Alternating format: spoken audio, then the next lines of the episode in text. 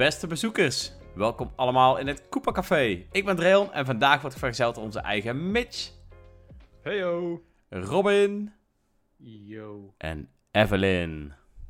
Hallo. Hey, vandaag gaan we het hebben over de laatste Nintendo Direct met een hoop games, de Pokémon DLC en Pokémon in het Van Gogh Museum. Oh, she. Boom. Ja, dat is wel, eh, wel heftig hoor. Een hoop kunstwerk en zo. Hey, maar ehm, de Nintendo Direct, Die van Gogh, Mitch... die moet... Oh, sorry. sorry. Ja, eh, ja, wil je het Ik wil zeggen? zeggen, die van Gogh die moet uh, allemaal Pokémon's gaan tekenen. Dat is ook wel zwaar voor die man. Ja, dat is wel heftig, ja. Terwijl hij die in zijn graf ligt. Moet je nagaan. Ik vind dat ze bij Pikachu een oor moeten afbijten. Hij, het past wel goed samen, toch? Want eh, de Pokémon Company kan soms ook een oor naaien, dus ja. Oh. Oh, damn. Maar daar komen we straks bij, want eh eerst de Nintendo Sorry, Direct. Hij moest... Mitch heeft Yes. een, eh, een hele leuke stelling. Of ja, wat is het? Nou, Is het eigenlijk stelling? Is het eigenlijk heb ik een vraag eh, voor jullie. En ik wil ze van jullie allemaal horen. De vraag is: vat de Nintendo Direct samen voor jou persoonlijk in één zin. Mm, Oké. Oké. En Robin, jij mag beginnen. Nou, ehm, ik heb wat filosofisch bedacht. Een hele filosofische zin. Oh ja, oh, nou gaat die komen. Oh. Ja, daar komt hij hoor. Op de brug van oud naar nieuw is alles mogelijk. What the fuck is dat? je, Ja, hebt ik er gewoon een soort, je hebt er gewoon een soort halve haiku van gemaakt, zo. Dat, eh, dat moeten we respecteren. Vertel Robin, wat bedoel je daar precies mee? Nou ja, het was heel duidelijk dat deze direct liet zien dat het het einde van de generatie was. En het start van een nieuwe eraan komt. En daarnaast dat alles mogelijk is, omdat opeens dingen zoals Another Code, eh The Thousand Year Door. eh, dan heb je vervolgens natuurlijk wat hiervoor was getoond met Super Mario RPG. Dat er zoveel titels waar je van dacht, die zullen nooit meer het daglicht zien, opeens toch weer tevoorschijn komen. En daarom dacht ik van, hé, hey, dat vind ik een mooie, mooie manier om die eh, direct in samen te vatten. Oké, oké, fair enough. En jij, eh, Evelyn, wat is jouw zin om de Nintendo Direct samen te vatten? Refreshers en perzikjes. Wat? Refreshers en perzikjes. Nee, ik, ik hoorde je, ik hoorde je. Maar eh, eh, verklaar, verklaar u nader. Wat heeft de Nintendo Direct te maken met refreshers en persikjes? Zoals Robin al zei, er waren een paar hele mooie remakes, zoals die van Paper Mario en zo. En eh, Peach krijgt eindelijk nu de eigen game. En we hebben ook gezien wat het een beetje in gaat houden. En ze heeft ook allemaal verschillende outfitjes, dus vandaar verschillende perzikjes. verschillende persikjes. Oké. Ik, eh, ik, ik, het, het is me nu mij iets duidelijker in ieder geval. En jij, Dreon? Ja, ik eh, lag eigenlijk eerst een beetje in de trant van Robin. Maar ik, eh, mijn zin was eigenlijk eh, remasters die ons klaarstomen voor een volgende Nintendo. Damn, wat hebben jullie allemaal mooie eh, volzinnen gemaakt. Eh, ik denk dat hij redelijk voor zich spreekt, Dreon. Of wil je er nog iets eh, aan... eh Nee, het spreekt redelijk voor zich. Ja. ja. Alright. En Nou, eh, had jij af- ook een mooie zin eh, bedacht? Ja, ehm, Nou komt hoor. niet genoeg farming games. Wa- Was er überhaupt een farming game? Eh, Nee, er was een ik- ik- farming Nee. DLC van eh, Eastward. Ja, Ja, dat is een Ah. DLC, maar dat is niet een nieuwe farming game. Ik hoorde ergens in de presentatie hoorde ik de zin eh, You can grow crops. En toen dacht ik, oh, dit is een farming. Oh, wacht, het is een RPG waarin je ook. Oké, oké, dit is dit telt half. Dit telt half. Oh, dat Nee, was maar- die eh, League of Legends-achtige game, denk ik. Als sla je me dood. Als Ja. sla- Ja, eh, zodra ik moet gevangen haak ik af. Ik moet zeggen, ik vind wel dat eh, Riot Games wel heel erg eh, bezig is met de League of Legends IP te verbreden naar niet alleen maar League of Legends. Op zich vind ik dat wel een, eh, een positief iets, want de lore van League of Legends heeft best wel leuke personages en we- werelden. Hey Google, zit er ergens wel een studio Dus Ik geef je gelijk hiermee. Maar dat hadden Dus, ze al een tijdje geleden ja. met, ehm, met. Ik weet niet meer hoe die heet, maar die Bilgewater game. En nu gaan ze ook iets met de Jordels doen. Ah ja, Eh, ja, ja. ja. Bilgewater game, ja, ik weet welke je bedoelt. Ja, er zaten er meer hoor. Je had ook nog eh Hextech Mayhem, was een puzzle game geloof ik, met bommetjes. Ja. En dan The Song of Nunu, en je had ook iets met Echo, een platformer die er best wel slik uitziet. Er komt een fighter aan. Oh jongens, nou we hele- alles wel heel vlug op. En je had een pixel game met Blitzcrank die echt een hele tijd geleden eh, uitgekomen Ja, is. maar Maar we moeten er ook niet te veel aandacht aan besteden. Nee. Het, blijft, het blijft League of Legends natuurlijk. Maar eh, ik kan me wel voorstellen dat als jij eh, helemaal eh geil werd van de Farming Direct van eh, 2022, dat was volgens mij ook september. Nee, Mitch, nu- Mitch, even stoppen, even stoppen. Wat je nou net zei, vind ik wel een beetje heel kortzichtig. Ja, serieus. Ik, eh, ik hou van farming games, man. Ik vind dat... Ja, nee, dat, is, dat is niet om te kutten. Ik vind farming games serieus gewoon best leuk. Ik vind het Nee, maar dat, is tijdverdrijf. ook, dat, is, maar dat is ook wat ik probeer Ja? te zeggen. Voor fans van farming games, waar ik mezelf niet toe reken, maar voor fans van Dus wil je farming door, games, hè? Ben je zo... eh, v- vind ik het wel, eh, vind ik het wel eh, ergens wel zonde dat Ik ben er nu lekker helemaal... bezig op eh, eerst de farming games, nu, nee, eerst League of Legends, nu de farming games. Nog Hij is wel anders? ziek aan het bashen, ja. Eh, ik, probeer, ik probeer eigenlijk een keer wat aardigs te zeggen vanuit het perspectief van de mensen die dingen wel leuk vinden. Hè. Ik zal straks ook als Pokémon besproken wordt, zal ik ook niet alleen maar gaan, eh, gaan bashen, jongens. Wel veel, maar niet alleen maar. Maar ik zeg gewoon van, hey, als je nou een farming game fan bent, en ik weet dat die mensen bestaan en zelfs in grote getalen aanwezig Mhm. zijn, want die games verkopen gewoon. En ja, mijn vriendin vindt het bijvoorbeeld ook leuk en ik ken genoeg mensen die die games wel, eh, wel leuk vinden. Eh, fair enough. En dan kan ik me voorstellen dat je bij deze directie zat van, oh, nou ja, we zijn van heel veel farming games naar nul farming games gegaan. Maar we hebben nog ergens genoeg wel- spelen. Beetje jammer. Ja, maar niet te farmen. En daar gaat het om. Eh, maar er zijn farming games zoals Stardew Valley waar je echt eindeloos in door kan gaan. Ja, ik ben toevallig eh, vorige maand nog bezig geweest met Rune Factory 3. Dus eh, dat is voldoende te Ja. spelen, dat, eh, dat wel. Ik moet zeggen, ik denk op zich ook wel dat het redelijk logisch was dat er minder farming games waren na die laatste direct. Want ik bedoel, de laatste keer hadden ze wel zoiets van, goh, het was een goed seizoen, laten we zo eh, crop, eh, de crops even telen, zeg maar, in één keer. Alle oogsten in één keer pakken, want eh, dat was wel een hoop farming in één keer inderdaad. Ja, nee, dat, dat was inderdaad niet, niet best voor, voor mensen zoals mij die daar niet zoveel mee hebben. Ehm Daan had trouwens nog in de comments een eh, mooie samenvatting van de Nintendo Direct. Het is oude wijn in nieuwe zakken, maar nog steeds wel lekker opgeslagen uit de wijnkelder. Kijk, Boom. Dus eh, ja, dat waren een paar mooie zinnen, jongens. Maar ik denk dat we nu echt eventjes eh, in de Nintendo Direct moeten gaan duiken. eh, game voor game, aankondiging voor aankondiging. Waar gaan we eens mee, eh, eens mee beginnen? Het startte met een hele interessante DLC van eh, Splatoon 3, die er al heel erg eh, anders uitzag dan de main game. Ja, want eh Dreon, eh jij bent denk ik de grootste... eh Evelyn misschien ook wel. Evelyn, Jullie zijn denk ik wel de grootste Splatoon-fans hier, hè? Wat vonden Mhm. jullie van de, van, de, van de beelden, van de Side Order DLC? Zag er zeker wel netjes uit. Ja, het zag er wel heel cool uit. Ik eh, moet nog wel even nadenken over de, de, de helftcijfers die je allemaal in beeld zag en zo. Omdat natuurlijk eh, een soort van eh, ja, digitaal je- imperium voor moet stellen waar je je volgens mij bevindt. Wat Maar, van het roguelite-achtige dat ze werden, ja, werd, werd, werd ja, geïntroduceerd leek het wel. Ja, ja. Wel oké, ja. Ik heb daar niet echt, nog niet echt een mening over. Ik wil, ik wil eerst meer zien. Ik vind dat de, de presentaties van Splatoon sowieso altijd echt slik zijn. Dus het ziet er altijd heel tof uit. Maar ik wil wel eerst weten wat, wat echt de gameplay mechanic gaat worden. Voordat ik zeg van dit wordt heel vet of niet zo vet.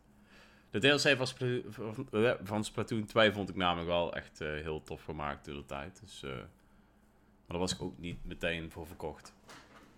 En jij, eh, Evelyn, heeft eh, deze trailer jou een beetje nieuwsgierig gemaakt, slash eh, overtuigd? Ja, dat doen ze altijd zo goed met die Splatoon eh, trailers. Tenminste, de DLC trailers, maar Splatoon trailers zelf ook. Ze maken heel erg nieuwsgierig naar wat er nog meer achter zit. En toen ze bijvoorbeeld een tijd terug die oude... eh, ehm, dat je terug kon naar de plaza, zeg maar, van de oudere Splatoon. Toen zat Ja. ik ook zo van, ja, maar is het alleen maar dat? Want dat is wel leuk, maar wat moet je er verder mee? Dat, dat zat ik dan een beetje in mijn hoofd van. Ja, als ik alleen maar dat heb, dan is het een beetje het geld niet waard voor mij. Ja, Dus Nou ja. daarom, ik wil hier ook meer van zien voordat ik inderdaad een volledige mening erover kan geven. Maar hoe het eruit ziet, zag wel episch uit. Ja, het ziet er wel slik Dus ik uit. ben echt benieuwd wat er nog meer bij gaat komen. Of dit zeg maar het begin is, of er eigenlijk nog een heel verhaal bij komt. De, de solo player modus van Splatoon is ook gewoon altijd ja, best wel tof. Al Ja. die levels. Eh, nu heb je natuurlijk dat je, als je de solo player gespeeld hebt van Splatoon 3, gewoon standaard dat de diepcut erin zat en zo. En dat je ook dan weer al die opkrullings ziet. En dan, ja, ik vind het episch in ieder geval. Ai. Uit, uit. Ja, mij, eh, eh, ik ben weer een casual eh, Splatoon-speler. Ik moet zeggen, ik vond de singleplayer van Splatoon 3 vond ik, erg nice. Die heb ik echt met plezier gespeeld. Vooral dat ene level waarbij je op rails zit en dan op tijd de targets moet raken of anders dan houdt de rails op. Dat vond ik echt een heel vet level. Ook echt heel moeilijk. Die zit ergens halverwege in de game of zo. Ik heb echt geen idee hoe je die met sommige wapens, vooral die wat tragere, moet gaan halen. Maar ik voelde me al heel goed dat ik hem met één wapen eh, gehaald had. Ehm, die singleplayer weet me dan toch vaak net iets meer te boeien dan de multiplayer. De multiplayer vind ik ook hartstikke leuk, maar dan haak ik op een gegeven moment haak ik wel eventjes eh, af. Er zijn nu ook allemaal updates uit en zo, maar ik doe er persoonlijk niet zo eh, heel veel meer, meer mee. Maar voor nieuwe leuke singleplayer content zou ik op zich wel open staan. Waren het niet dat ik gewoon niet zo heel veel heb met roguelites.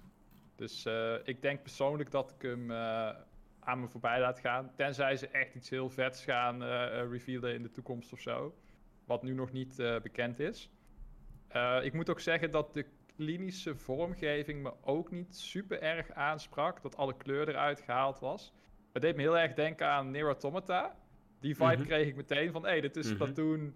X uh, Automata. Ja. Alleen bij een game als Splatoon, waarin het toch draait om verf en kleur en fashion en al die dingen, vind ik dat toch ja, net wat minder lekker combineren. Dat zeg je wel, maar je kunt je natuurlijk voorstellen bij een game als Splatoon dat het gaat om kleur. Dat jij die wereld van Order uiteindelijk kleur gaat geven.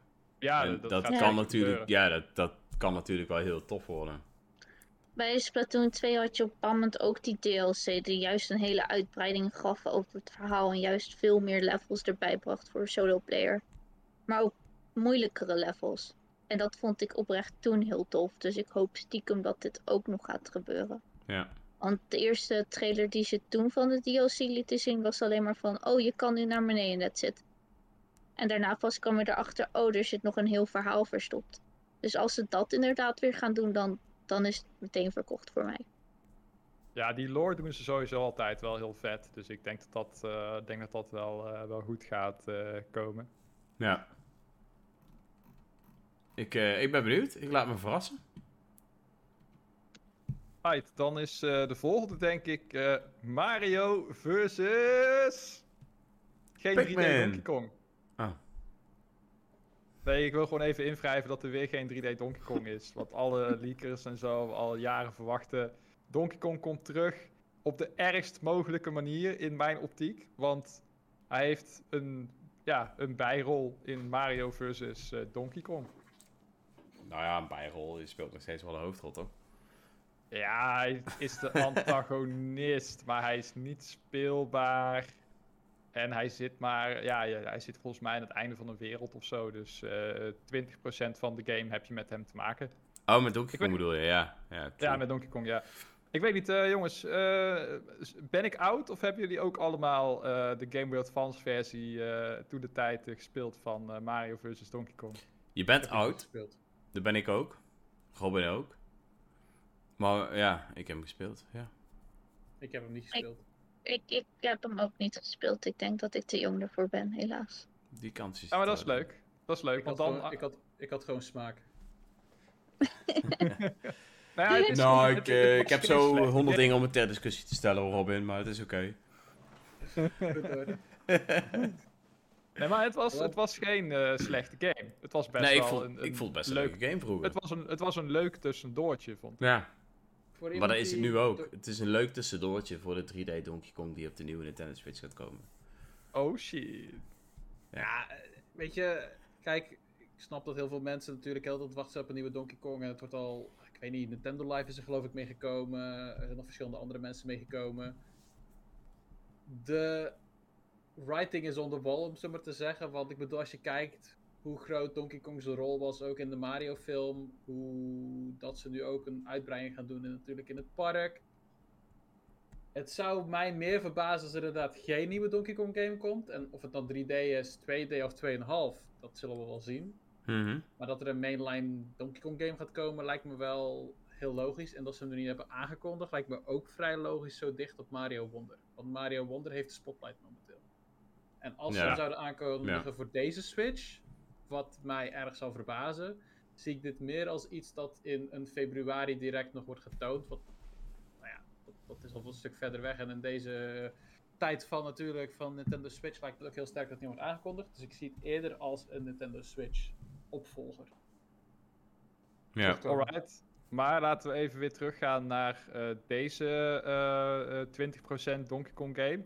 Eh, als mensen die hem niet gespeeld hebben, jongens, eh, Evelyn en Robin, eh, sprak het jullie een beetje aan? Hadden jullie een beetje zoiets van, hé, hey, dit, eh, dit lijkt me wel vet? Of had je zoiets van, nou, deze skip ik waarschijnlijk? Ehm, het is niet dat het er niet goed uitzag, maar het is niet dat het mij heel erg aanspreekt. Right, en, en wat spreekt je dan niet heel erg aan? Want het is wel, ja, je bent Mario, je moet dingen ontwijken, een beetje platformen, een Beetje beetje puzzelen. puzzelen. Ja. Ja, dat, dat, leuk. doet me, dat moet me heel erg denken aan echt de hele oude Mario, waarin je dus inderdaad Donkey Kong hebt die al die barrels naar beneden gooit. Daar is het op gebaseerd. Ja, dat, dat weet ik, maar dat heb ik toen heel veel gespeeld en op een bepaald moment was ik het gewoon zat. En dan leg ik het aan de kant en dan raak ik het niet meer aan. Uit, uit, helder. En jij, eh, Robin? Eh, bij mij staat die in het oranje. Ik ben er nog niet zeker van. Eh, ik heb hem aan. eh, ik liet hem toen aan mijn vriendin zien. En die zei dat ze hem wel leuk vond. Want ze heeft ook Captain Toad pas gespeeld. Dat was ook een puzzelachtige game, zeg maar. Mhm. En hier heb je ook best wel wat puzzelelementen. Dus toen ik de trailer liet zien, dat ze van: oh, deze ziet er wel leuk uit. Alleen voor mij is het probleem het prijskaartje. Hij is redelijk prijzig voor wat het is. Is Dus de ik prijs bekendgemaakt mezelf- dan? Ja, hij is 50 piek. 50 buckaroos. Oh, damn. Ja, en dat is het niet waard voor mij. Dus in die combinatie, ik denk hem maximaal voor 30 zou halen. En dan, dan vind ik het wel mooi geweest eigenlijk. Dit, dit doet me een beetje denken aan toen met eh, Mario Rabbits. Ja, sorry, even een sprong. Maar die waren ook in het begin de volledige prijs. En omdat het gewoon niet goed verkocht, werd het toen omlaag gegooid. Ja, maar dat is Nee, dat is niet waar.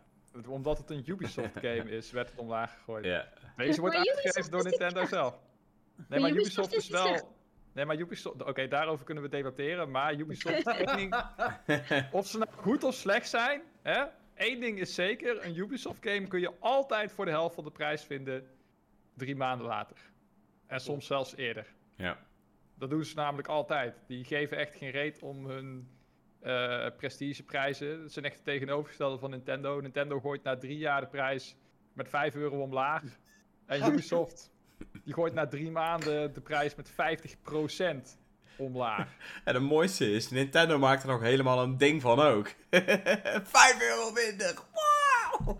Ja, je krijgt nu eh, vijf gouden punten bij eh, aankoop. eh, waardoor je eigenlijk 5 euro bespaart, maar eigenlijk ook weer niet. Want je moet die 5 euro ook weer uitgeven in onze shop. Dus eigenlijk betaal je nog steeds de volle prijs aan ons, maar dan verdeeld over meerdere games. Yup. Leg het nou niet allemaal uit, dan worden ze hartstikke boos. Die ninjas komen naar je toe. Ja, ik, ik zeg niks ver. Hoor ik nou een klop aan jouw kant, Mitch? Nee, nee, nee. Nee, nee maar eh, inderdaad, Robin snijdt een goed punt aan. De prijs is in mijn optiek schandalig. Want Ja. het is een Game Boy Advance game van 20 jaar oud. Die toen voor 45 gulden verkocht werd. Die, ja, nee, volgens mij was dat ook al euro. Volgens mij was dat 45 euro. Maar goed, Oh, dat zou ook eh, kunnen.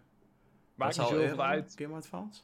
Ja, volgens mij wel. Dat was na 2000, hè. Dus dan eh, Mm, ja, zou 2000, kunnen. tw- ergens in 2000 of zo. 2001 Ja, zo oud is ben ik. Sorry. ingevoerd.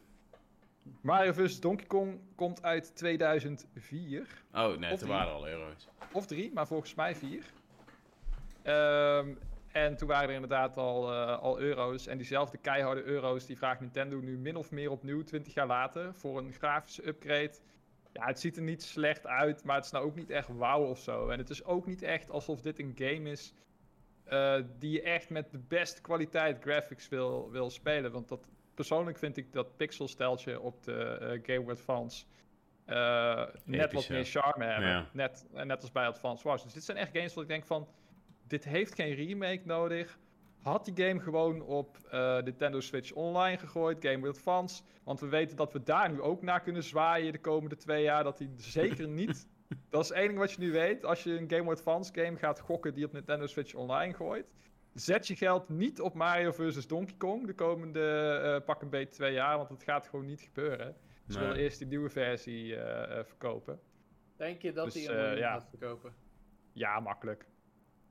Er staat Mario op en Donkey Kong. Natuurlijk gaat het een miljoen verkopen. Mi- minimaal. Ah, daar heb je antwoord waarom het bestaat. En daarom heb je ook... Ja, ik, weet, ik weet waarom het bestaat. Ik geef alleen maar aan voor de mensen van... Hey, is 50 euro de prijs waard? Jij zegt nee, ik zeg nee. Nee. Eh, Dreon zegt denk ik ook nee. Ik heb jou nog niet over gehoord. Dreon, ben jij een beetje wild van Donkey Kong's eh, terugkeer? Real, die wil Ik er werd 70 euro voor betalen. mega wild van. Ja, ik heb al 100 euro klaargelegd. Ik Ah, koop hem die- twee keer. Ik denk dat je echt iemand een aneurysme verzorgt in onze eh, Café. nee, ja, nee, dat is niet waard. Ah, ik weet niet of we heel veel Mario vs. Donkey Kong fans hebben in de chat. Maar zo te zien valt het mee. Daan heeft ze allemaal gespeeld, behalve het origineel. Nou, dan is dit op zich wel leuk. Ehm Mink zegt GBA was al Euroman. Dankjewel, eh, Mink. En noemt 50 euro voor Mario vs. Donkey Kong echt insane. Ja, ik vind het ook wel goedkoop. Dus ja, eh, deze game eh, werd ik niet heel, eh, heel wild van. Eh, ik was eh, blij dat eh, het soort van gelekt was. Dat die game zou, erin zou zitten dat echt Mario vs. Donkey Kong zou zijn. Want dat haalt wel wat van de klap weg, denk ik. Als mensen echt geruchten hadden gehoord over een nieuwe game met Donkey Kong. En dat was Was- alles geweest wat we zouden weten. En dan komt dit. Dan was echt Dan het is het van de dam, denk ik. Dat dan was dat- wel ja. voor, voor 24 uur lang had hij het wel stilgehouden. Hij had alleen Donkey Kong getoond. Dus voor 24 uur lang waren mensen aan het dromen over de nieuwe Donkey Kong game. Ja, en toen En eh, even voor de mensen die het die eh, niet wil. weten. Even voor de mensen die het niet weten, er is een leaker, eh Pioro op Twitter, die waarschijnlijk toegang heeft tot de backend van Nintendo's YouTube. Of iemand kent die dat heeft. Hij ziet dus alle trailers die eh eh, geüpload gaan, eh, gaan worden. eh, en Nintendo Directs en zo, die op private staan, dat soort dingen. En die gast had via Twitter een aantal dingen gelekt. Waaronder met een paar subtiele hints dat eh, Mario vs. Donkey Kong in de Direct zou, eh, zou zitten. Dus eh, ja, veel van die dingen wisten wij al als mensen die het game nieuws veel te dicht bij volgen. Yep. En een andere game die hij had voorspeld, of in ieder geval waar hij de titel van had gedeeld, was Princess Peach Showtime. En Evelyn, dit lijkt me nou echt een game voor jou op de een of andere manier. Nou, het deed me heel erg denken aan Luigi's Mansion, maar dan Princess Peach stijl. Ja, inderdaad. Ah, Mhm. En dan met wat meer minigames erbij. Want je zag heel veel van die eh, Mario Party-achtige minigames ertussen zitten. Met die taart die ze moest gaan versieren. En dat soort dingetjes. Mhm. En dan heb je dus ook allemaal kostuums die blijkbaar dan ook iets van power-ups kunnen geven. Dus je krijgt echt gewoon een unieke, ja, unieke Peach game. Met cosplay. Ja, met eh, genoeg cosplays. Ik vond het wel vet dat je echt zo'n schermachtige Peach had. Die dus stond met zo'n... eh, Ah, met Ja. het zwaard. met een Ja. degen. Ja, Een degen. een degen. Dat is een beetje uh, drie musketiersachtig. eh ja, Wel episch. lijkt lijkt ze opeens heel anders. Ja, in de Mario Movie had ze natuurlijk ook dat ene wapen constant bij zich. Maar alsnog. Dit is toch wel epischer dan dat. En dit was de enige nieuwe originele game die ze hebben getoond van Nintendo zelf. Ja, Ja. Maar wat vond jij ervan dan, Mitch en Robin en Dreon? Eh, ik vond hem eigenlijk wel leuk eruit zien. Eh, ik, heb, ik, ik zet nog wel wat vraagtekens bij de diepgang van het spel. Dus Ja. of het niet te eh, minigame-achtig eh, wordt, om het zo maar te zeggen. Want ik had niet het idee dat alles eh, minigames eh, was. Eh, ik had het idee dat sommige dingen wel wat meer om het lijf hadden, zoals die eh, Detective Peach eh, dingen. Dat vond ik trouwens ook het vetste, dat eh, Detective Peach stuk. Ehm, want daar leek het meer een beetje richting, inderdaad een beetje Luigi's Mansion-achtig, een beetje richting een adventure game eh, te gaan. Dus ik denk dat als ze die dingen een beetje kunnen afwisselen en de segmentjes lang genoeg zijn, of de ene keer heb je wat korter segment en het totaal aantal segmenten is zeg maar eh, ja, wel gewoon satisfactory. Eh, dat het echt wel een leuke game kan, eh, kan gaan worden. Die Peach ook een beetje moderniseert. Want je had natuurlijk de vorige Princess Peach game, Super Princess Peach op de Nintendo DS.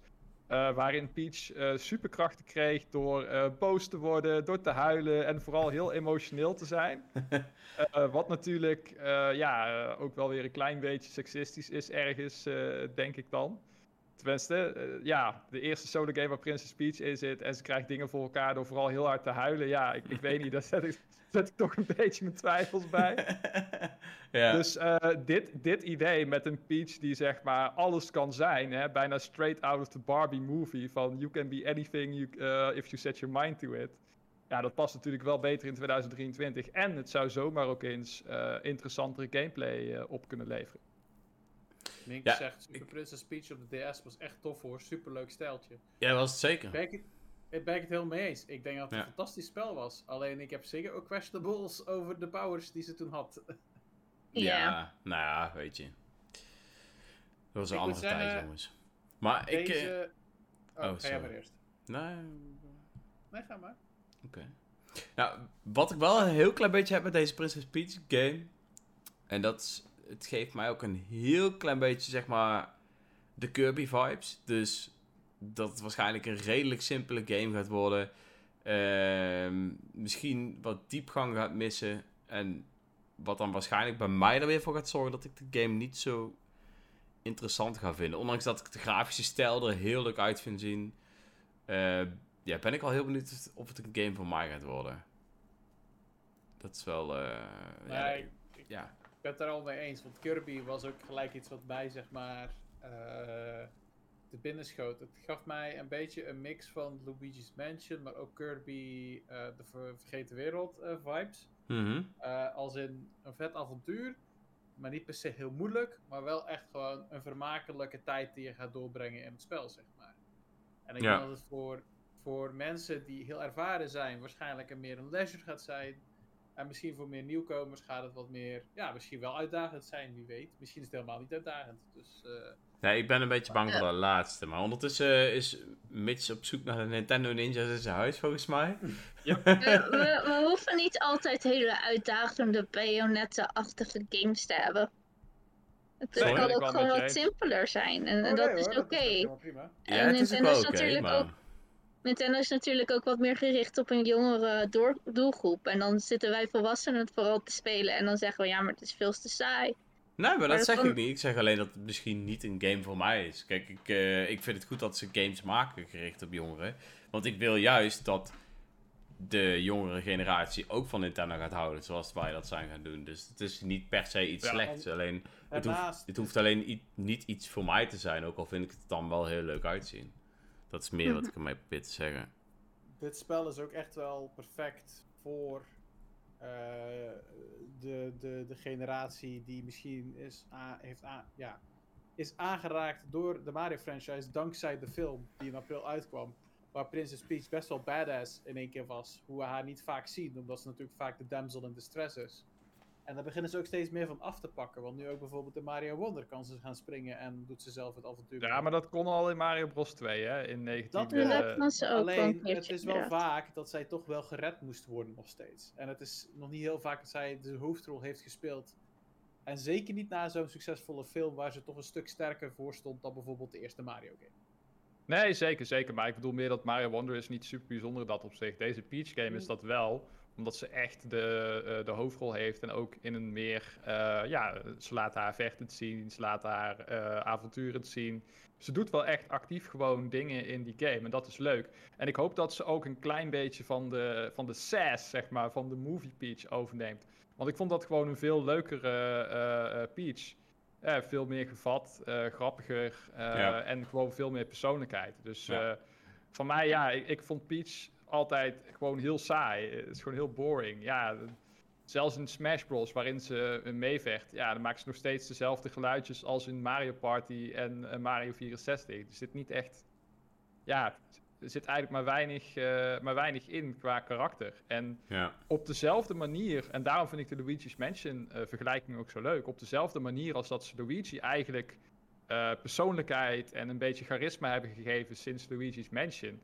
Eh, zou het leuk zijn als deze eh, Peach game ook hetzelfde doet voor eh, het personage Peach?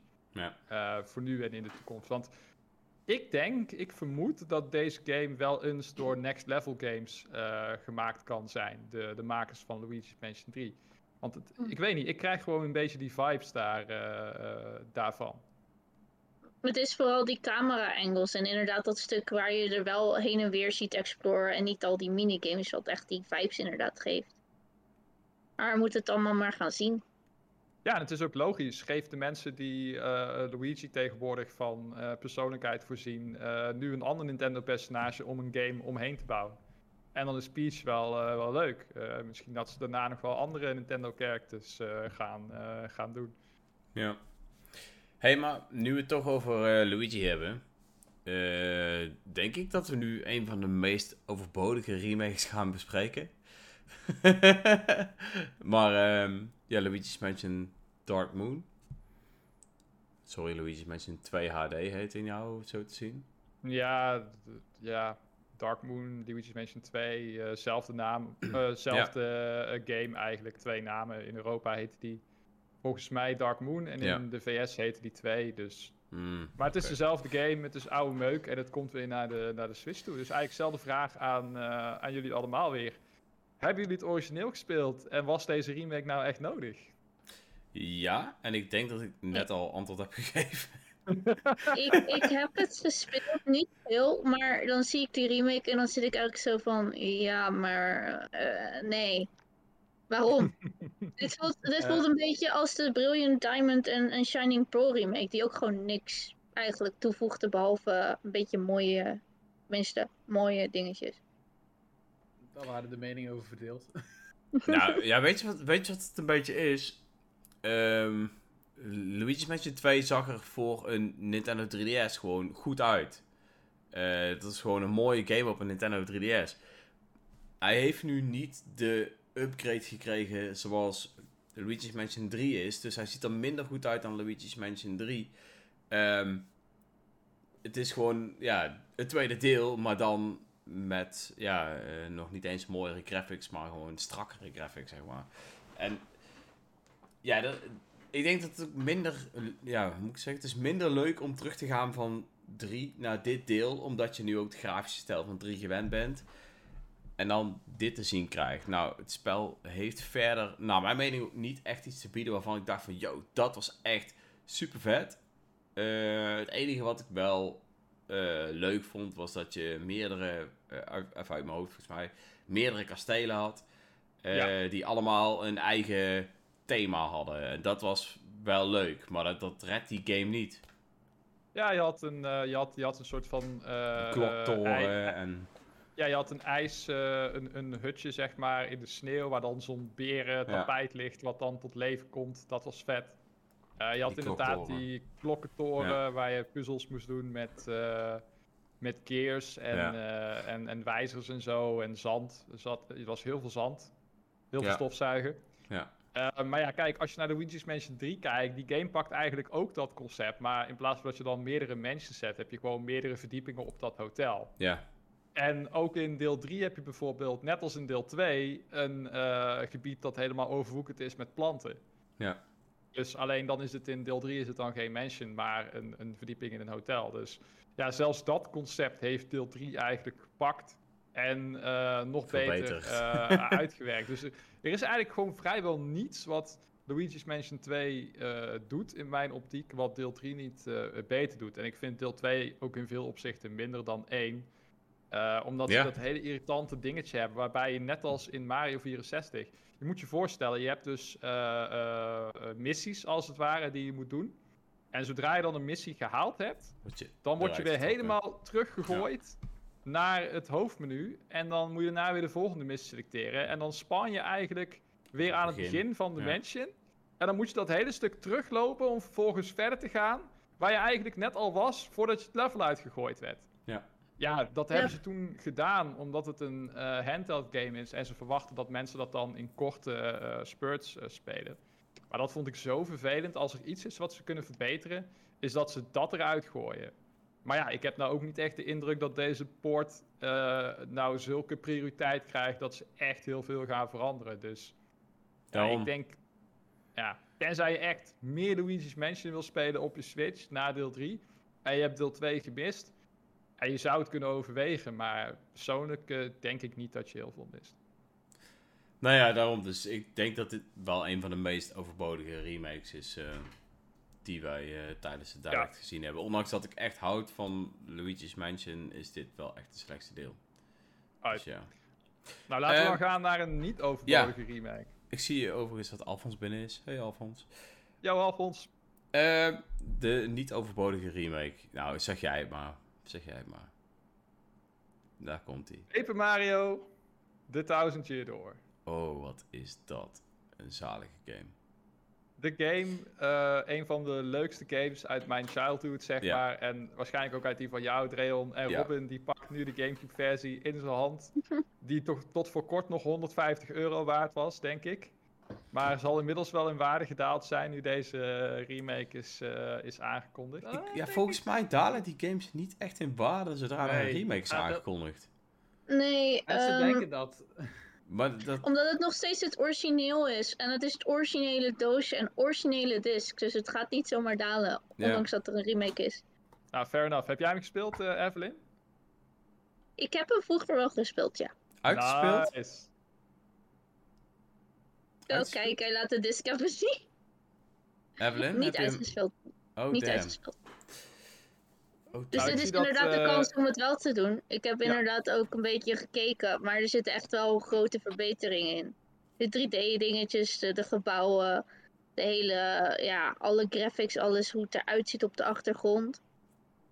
Ja, de is grafische echt- stijl is echt wel, eh, echt wel prima. Al moet ik wel zeggen, dit is wel echt zo'n typische tijdloze game die niet per se verbeterd had hoeven worden, naar mijn mening. Had inderdaad niet gehoeven. Maar toen ik dat boek aan het begin zag, dat zag er wel een stuk epischer uit dan het eerste boek. Dat moet ik je wel eh, toegeven. Ja, dat klopt. Ja, Het feit dat er überhaupt nu eh, eh, echte belichting aanwezig lijkt te zijn, Mhm. eh, verandert wel echt het hele uiterlijk van die, eh, van die game. En ik ben wel benieuwd wat jullie daarvan vinden, want ik vind dat het niet altijd eh, eh, ten goede is. Maar in dit geval moet ik niet zeggen dat de game er slecht aan van wordt. Maar ja, zoals ik al zei, ik vond de vorige ook gewoon mooi. En wat, wat de grafische stijl betreft is het redelijk tijdloos. Dus Het, het Ehm. blijft Paper Mario. Het is uiteindelijk niet dat het 3D Mario is. Ja, de achtergronden hebben heel veel 3D aspecten waarin je inderdaad Mhm. die belichting en die effecten en dat soort dingen heel mooi uitkomen. Maar uiteindelijk heb je nog steeds platte poppetjes die plat omdraaien. Die inderdaad wel een wat mooiere en wat grotere schaduw hebben. Maar daarbij heb je niet per se be- betere belichting voor nodig. Vind ik ja, persoonlijk. Sterker nog, ik vind dat die belichting af en toe een beetje afdoet aan de originele artstijl. Net als je een beetje bij Windweker hebt, bijvoorbeeld Windweker Mhm. HD, hebben ze ook die belichting eh, gepakt en die schijnt dan op die cel-shaded personages. En daardoor lijken ze, eh, bijvoorbeeld Link lijkt dan net wat minder cartoony dan eh, dat hij dat op de Gamecube deed.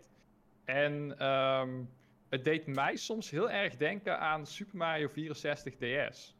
Dat is ook een game waarin ze met name toen niet, niet, niet zozeer de belichting, maar meer de kleuren hebben aangepakt. Je had dan heel vaak als Nintendo een game eh porten naar eh, handheld, bijvoorbeeld eh Ocarina of Time of Mario 64, eh, dat ze het contrast of de kleuren net wat anders maakten, zodat je ze beter kan zien als je zeg maar op je handheld buiten aan het spelen bent en de zon schijnt op je scherm, om het zo maar te zeggen. En daardoor had je bijvoorbeeld in Mario 64 DS, als je dat vergelijkt, eerste level, Bob on Battlefield. Als je dat vergelijkt met de Nintendo 64 versie, de Nintendo 64 versie is hartstikke groen, terwijl eh, Bob on Battlefield op de DS versie is, gaat meer richting groen-geel. En dat had ik hier ook bij, eh, toen, ze die dat, toen, ze dat, toen ze die eerste wereld lieten zien van eh Paper Mario The Thousand Year Door, dat grasland. Ik dacht af en toe van, hè, maar dit ziet er heel anders uit als in mijn herinnering. En toen ging ik kijken naar de Gamecube-versie, dat is gewoon hartstikke groen. En hier is het soms door die belichting die erop schijnt, dat het meer richting geel gaat. En dan lijkt misschien dat je denkt van, Mitch, jongen, wat ben je nou aan het zeuren over een Daar beetje we. kleurverschil? Ja. Ja. dat denken heel veel mensen nu waarschijnlijk. Maar ik zeg het je, dit is Ja. hartstikke belangrijk. Want het verandert gewoon de hele sfeer Ja. van sommige, sommige screenshots. Bijvoorbeeld het kasteel. Het kasteel lijkt veel lichter. Of nee, eh, veel donkerder, omdat er weinig licht is nu. Dus dat verandert soms gewoon ja, de, Ja, maar ik- de, de hele atmosfeer. Ja, maar ik denk dat dat misschien juist wel heel goed kan zijn. Want als je ook bijvoorbeeld kijkt, je bent, ik heb toevallig nou net de trailer even aan bijvoorbeeld Twilight Town. Ja, dat wordt er alleen maar mooier van. Toch? Dat Ja. is, ja. Ja, dat Weet je, dus eh, ik begrijp wat je bedoelt als het gaat om hè, dat de kleuren misschien net anders zijn. Maar ik denk wel dat de setting waar het in moet zijn, nu wel wat extra wordt aangedikt door de juiste belichting. En zo'n ja, Twilight Town is daar natuurlijk een mooi voorbeeld van. En de kastelen ook. Ik denk juist omdat het wat donkerder is. Ik vind het juist vetter, want dan laat ik echt zien dat je dus in een kerker bent. Of eh, onder de grond. Hè, want eh, in de Thousand Year zit je best wel eh, een tijdje onder de grond. Ik denk dat dat alleen maar ja, wat meer Ja, zal toevoegen enough. aan de, de Ik, denk, ik zeg ook niet dat het, dat het per se slechter is of zo. Hè? Ik zeg Mhm, alleen dat het mij opvalt dat het, dat het is ook gewoon even wennen. ja. Hè, bijvoorbeeld, ik vind sommige shots vind ik er mooier uitzien. Andere denk ik weer van, oké, hier vond ik het origineel toch mooier qua, eh, qua kleurgebruik. Eh, maar bijvoorbeeld die laatste shot met, eh met Hoektail, die grote draak. En die, eh, dat licht wat dan door die ramen eh, schijnt en zo op hem. Ja, Mhm. dat vind ik dan wel weer heel vet eh, eruit zien. Dus ik ben nog, ik ben nog een klein beetje, eh, klein beetje mixed. Ik denk dat het vooral ook een kwestie is van, van wennen. Van, hey, Ja. ze komen aan mijn Paper Mario. Hè, de, de classic die ik altijd zo, eh, zo leuk vond. Ehm, maar goed, aan de andere kant, het is een, eh, een, een remake.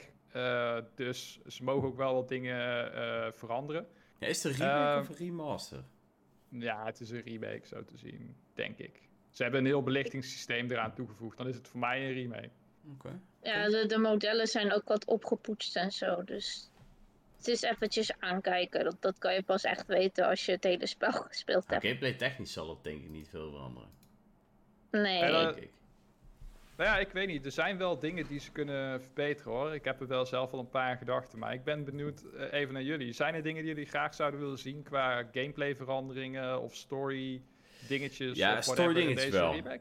Ik, ik kan Ja. me nog wel herinneren dat er een paar dingen waren in die game die iets te lang doorgingen.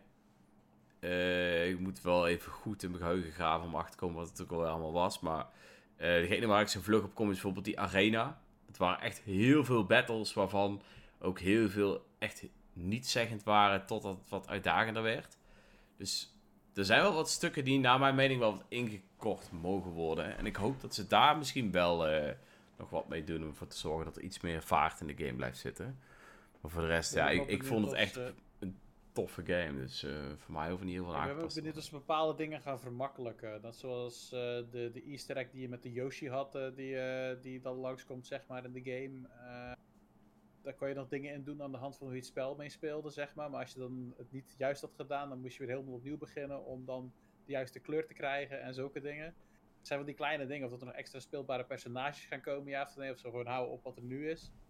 Bijvoorbeeld komt er nog een heel Luigi gedeelte bij of zo, dat ze dat gaan doen. Want het lijkt Dat inderdaad zou wel- vet zijn, jongen. Ik, Ja. ik hoop inderdaad meer op storyline. Ik heb hem natuurlijk niet uit- uitgespeeld, dus ik kan er niet helemaal op, eh, op ingaan. Maar Maar tot ik, nu toe leek het erop dat de oude cast, het- dat was het zeg maar. Wat ook helemaal prima is. Hè? Ik, Ik wou dat zeggen. Dat is Uh, die oude cast. was al sowieso fantastisch. Ja. Holy shit, die, die, hoe heet die, hoe heet die, hoe heet die doet ook alweer? Die bom. Die bom. Ja, die bom was fantastisch. Wat Oh ja! de bom is de bom. Die, eh, die, kap- die kapitein Die met kapitein, die kapiteinsnor en dat petje. Ja, Ja. wat een fantastisch personage was dat. Maar ik moet zeggen, ik vond, er zaten ook heel veel andere in. Ik wil ook niet spoileren, want ik weet niet wat ze hebben laten zien in de, in de, in de trailer natuurlijk. Eh, even uit mijn hoofd. Of zo. Best wel wat, best wel wat. Maar Best wel Maar- wat, maar niet alles, nee. Ehm, eh, ik zou het wel leuk vinden als ze bijvoorbeeld nog een extra modus doen, voor met Luigi bijvoorbeeld. Dat ze die ook wat meer in het zonnetje zetten. Want, eh, ja, dat zou episch zijn, want het is ook, volgens mij was het in de Thousand Year dat Luigi een ander avontuur had. En dat je hem dan Ja. iedere keer tegenkwam. En dat Ja. hij dat Ja. echt Ja. zo'n mega kut verhaal vertelde over wat hij allemaal had meegemaakt. Of nee, hij vertelde volgens mij een heel cool verhaal. En dan stond er altijd zo'n partner bij en die Ja. vertelde dan Ja. het echte verhaal. Dat was het volgens mij. Dat is echt zo. Luigi, Luigi was altijd een beetje zo van, ja, ik heb dit en dit gedaan en het ging allemaal hartstikke goed. En ik heb eh, de prinses gered en de draak verslagen. En dan staat er zo'n schildpad naast me die helemaal onder de blauwe plekken zit van, oh, het is echt vreselijk, haal deze man bij me vandaan. Ja, dat was, Ik ga nooit, ik ga nooit meer met hem op avontuur. ja dat, was, dat was echt zo vet. De, maar sowieso, de, eh, de dialogen in die game zijn echt meesterlijk. Dat, ja, dit is denk ik, wel een van de beste RPG's sowieso eh, die ik in Het mijn is sowieso, heb. het is sowieso eh, de Het is- beste Mario RPG. eh, denk Dat sowieso. wel. Maar dit is ook wel echt, hè, een- wel echt een van de betere RPG's die ik eigenlijk altijd al gespeeld heb. Dit is wel een, een game die ik het is echt wel... gewoon eh, een klasse game. Ik bedoel, ik denk dat je het easy top 3 in de Gamecube-lijst gaat tegenkomen als het Ja. niet een nummer 1 is. Er Ja. zitten wel wat andere goede titels natuurlijk op de, op de Gamecube. De Gamecube was een goede console, maar deze staat sowieso in de top 3. Ja, dit is echt gewoon een meesterlijke game.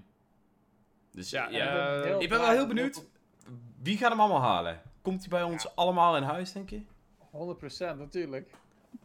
Ja, Ik moet er nog meer van zien. Ik eh, moet er nog meer van zien of dit echt.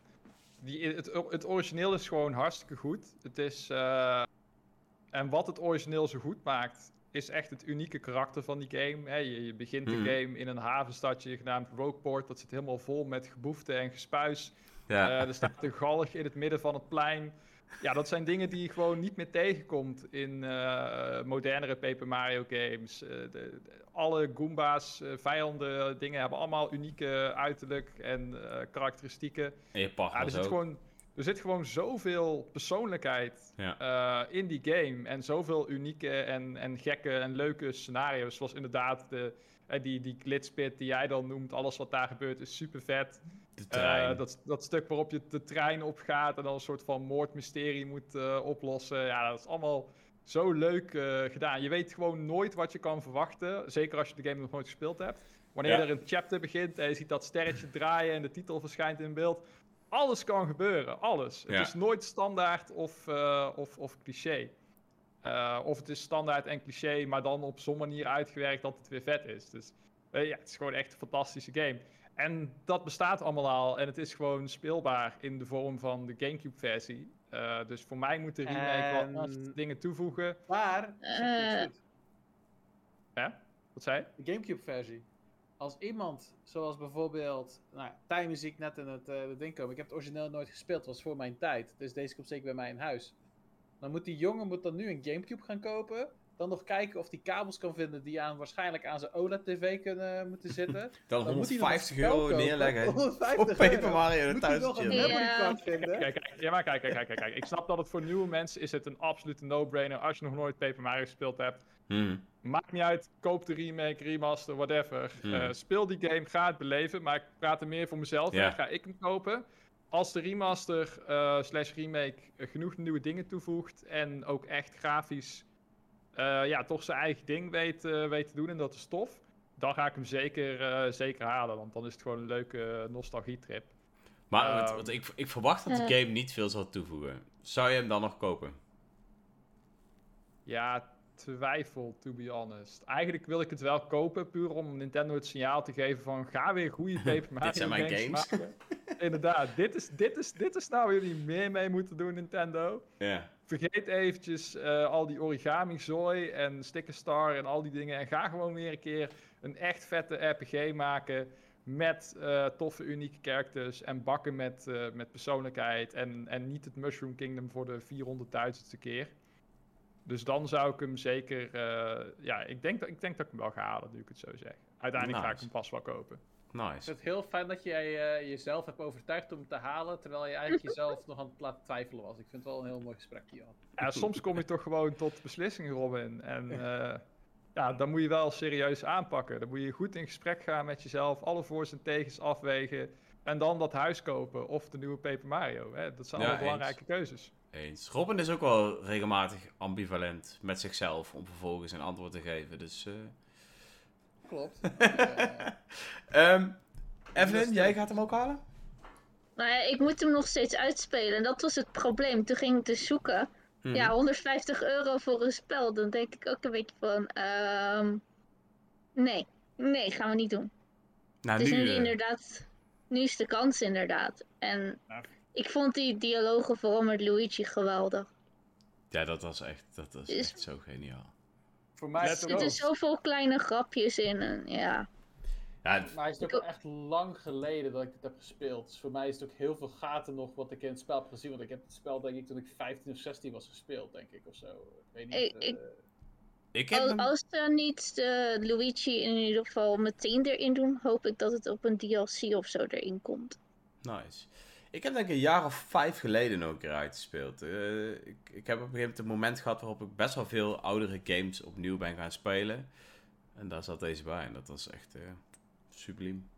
Nice. Love it. Eh, Daan heeft nog eh, een leuke opmerking in de chat. Hij zegt eh, dat het origineel ook voor zijn tijd was, maar dat hij na het spelen van Super Paper Mario, Cold Splash en Origami King, eh, Origami King erg eh, uitkijkt om de meest gewaardeerde Paper Mario te beleven. Ik zeg Daan, jij gaat wat beleven inderdaad. Je Ja, wilt ook weten met welke opvolger is het battlesysteem vergelijkbaar. met geen één. Eh, Want daarna is het misgegaan. het is meer Mario en Luigi. Of je kan gewoon eh, Paper Mario 64 spelen. En dan heb je eigenlijk ook de gameplay. Die... Het, i- het is Paper Mario 64, maar dan beter. ja. Ja. Of eh Sticker Star, maar dan zonder de stickers.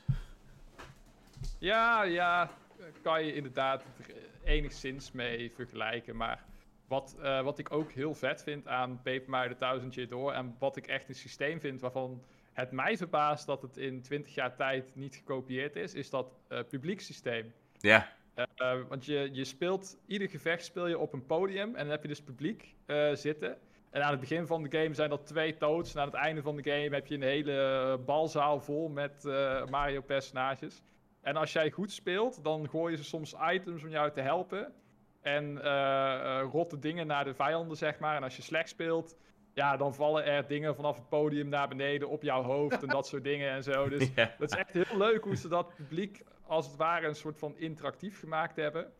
Eh, en het is ook heel satisfying om gedurende het spel steeds grotere podiums te krijgen en steeds meer publiek. Dus dat Ja. is echt, echt iets wat deze game heel uniek doet. Zelfs vergeleken met andere Mario RPG's. En je had volgens mij ook een badge systeem of zo. Dat, eh, Ja, klopt. dat was ook Ja. echt eh, tof. Daar kon je best wel veel Ja. vette combinaties mee doen. En ook hoe verder in de game je kwam, hoe meer badges je kon dragen. Of Ja. hoe betere combinaties je kon maken. En dat... eh, ja, ik, ik kan me nog herinneren, er was bijvoorbeeld een badge die je kon hebben, waardoor je gewoon op stekels kon springen. Dus de, eh eh, hoe heette die slechterik ook weer? Die, eh, Spikes? Ja, die met die Bowser? spikes op zijn rug. Bowser? Nee, nee, nee, die kleintjes. Ja, en Bowser trouwens ook, ja. Eh, op een gegeven moment kon je dus gewoon op enemies springen die stekels hadden. En daar kon je dan ook alweer vette dingen voor bedenken om die dan weer op een andere manier te Oh ja, verslaan. dat zijn, wel, dat zijn wel spikes volgens mij. Dat Ja. zijn die met, die met dat rode schild en dat stekeltje wat die bovenuit steekt, toch? Ja. Ja. Ja. Dus eh, ja, daar, je kon hele vette combinaties maken. Dat was voor mij echt, eh, ik vond het echt tof. Hey, ik stel voor dat we wel meteen doorgaan, want we blijven nu iets te lang natuurlijk bij de games hangen. Ik denk dat we nu naar de beste aankondiging van de Nintendo Direct komen. En dat was natuurlijk eh, F-Zero 99. Holy Ik shit. heb dit, ja, ik heb dit gewoon kunnen zeggen zonder te lachen. Dat vind ik wel knap. Holy shit, wat een game. Eh, sorry, ik ga even gushen, want ik heb F-Zero 99, eh, 99 echt even een paar keer gespeeld. En ik vind hem fantastisch. Het is echt Wat? heftig, man. Holy shit. Het is, het is heftig, het is chaotisch, maar het is zo leuk. Ik heb het aan het spelen en eh, mijn vriendin zat naast me en ze was aan het kijken wat er gebeurde. En in één keer ziet ze zo dus dat ik die tutorial aan het doen ben, van 25 naar 50. Nou, Toen 100. zei ik, ja, het heet F-Zero 99 voor een reden. En opeens zag ze de reden. Ze zegt, wat gebeurt daar? Ik zeg, ik, dit is chaos, punt. Dus toen had je die tutorial gedaan, zei je, nu spreek ik bij echte mensen. En toen was het echt een en al chaos. En ze vond Ja. het eh, leuk om naar te kijken. Ze zei, oh, misschien wil ik het ook wel doen. Zij, een casual, AF, wou dit gaan spelen. Nice. Ja, ik, eh, ik vond het een leuke game, maar wat ik wel heel erg heb met die 99 games is ze blijven even leuk en daarna raak ik ze nooit meer aan. En dat vind ik niet helemaal waar F-Zero hoort te eindigen. Dus ik hoop dat ze wel nog met iets komen wat, eh, wat meer zal bieden. Ja, Dat ik eh, neig een beetje naar Dreons kant. Ik moet wel zeggen dat ik de tutorial nog niet voorbij ben. Dus ik zit volgens mij nu bij 50 eh, races. Ik heb het echt heel kort gespeeld voordat ik Dat in wou ik het zeggen, dan weekend... heb je echt maar twee Dat is één gespeeld. potje. Ja, ja. Ja, twee potjes volgens mij. Ik heb het echt heel kort gespeeld voordat ik in het weekend naar een eh bruiloftsfeest en zo eh, moest. Dus eh, ik heb het nog niet meer opgestart. Ik denk dat ik dat doe als ik weer eh, nuchter en uitgeslapen ben. Ehm, maar wat ik speelde was op zich wel leuk. Eh, mensen zeiden tegen mij van ja, de controls zijn wel echt veel soepeler dan op de SNES. En dat klopt wel. Maar ik vind het nog niet zo lekker spelen als een F-Zero GX of zo. Daarvoor, eh, ja, ik weet niet. Het, het voelt nog wel enigszins SNES-achtig aan. Ja, tuurlijk. Dus, je, eh, je draait gewoon letterlijk om je as als je op, de, als je op links of rechts duwt. T- Ik weet het niet. Ik moet eventjes eraan, eraan wennen. Ehm, Snap ik. maar ik ga, het, ik, ga het wel nog, eh, ik ga het wel nog een kans geven. Het is gewoon wel tof om iets van F-Zero te hebben. En als het dan F-Zero 99 is, ja, het is niet alsof we veel eisen kunnen stellen als... eh, als eh, het is niet alsof de F-Zero liefhebber nou een goede onderhandelingspositie heeft bij Nintendo. Van hé hey jongens, jullie moeten echt je best gaan doen om iets episch te maken. Maar goed, als Nintendo dit heeft gedaan, waar- waarvan ze dachten van, nou ja, we gaan weer iets doen met F-Zero. Nou, in ieder geval leeft de franchise weer, dus dat is al tof. Mhm. En ik ben ook wel benieuwd eh, of het heel veel mensen gaat, eh, gaat aantrekken om het op zijn minst een keertje te proberen. Want eh, Evelyn, heb jij hem bijvoorbeeld geprobeerd? Nog niet, maar ik heb wel mensen het zien spelen. En wat jij zegt inderdaad, eh, het is natuurlijk een, een port en niet een hele remake van iets. Dus die controls gaan inderdaad niet helemaal soepel voelen en inderdaad een beetje wacky voelen. En Nee, nee, nee, dat zei ik niet. Hè. Het, is, het is geen port. Het is wel echt een nieuwe game. Ze hebben wel echt die controls aangepast zodat het echt veel meer stuurt als een moderne game. Maar ik vind het nog niet te vergelijken met een, eh, een, een 3D-game als het ware, als, eh als F-Zero GX. Dus eh, ja, het is voor mij voelt het aan als een soort port, though. Maar heb je het gespeeld? Ik heb het mensen zien spelen, ik heb het zelf nog niet gespeeld. Dan nee. moet je het zelf spelen, want dan heb je... Het ziet er inderdaad uit als een port, eh, als een SNES-game in HD. Maar als je het speelt, dan eh, eh, stuurt het wel verrassend soepel, vind ik. Ja. Dus eh, ga hem proberen.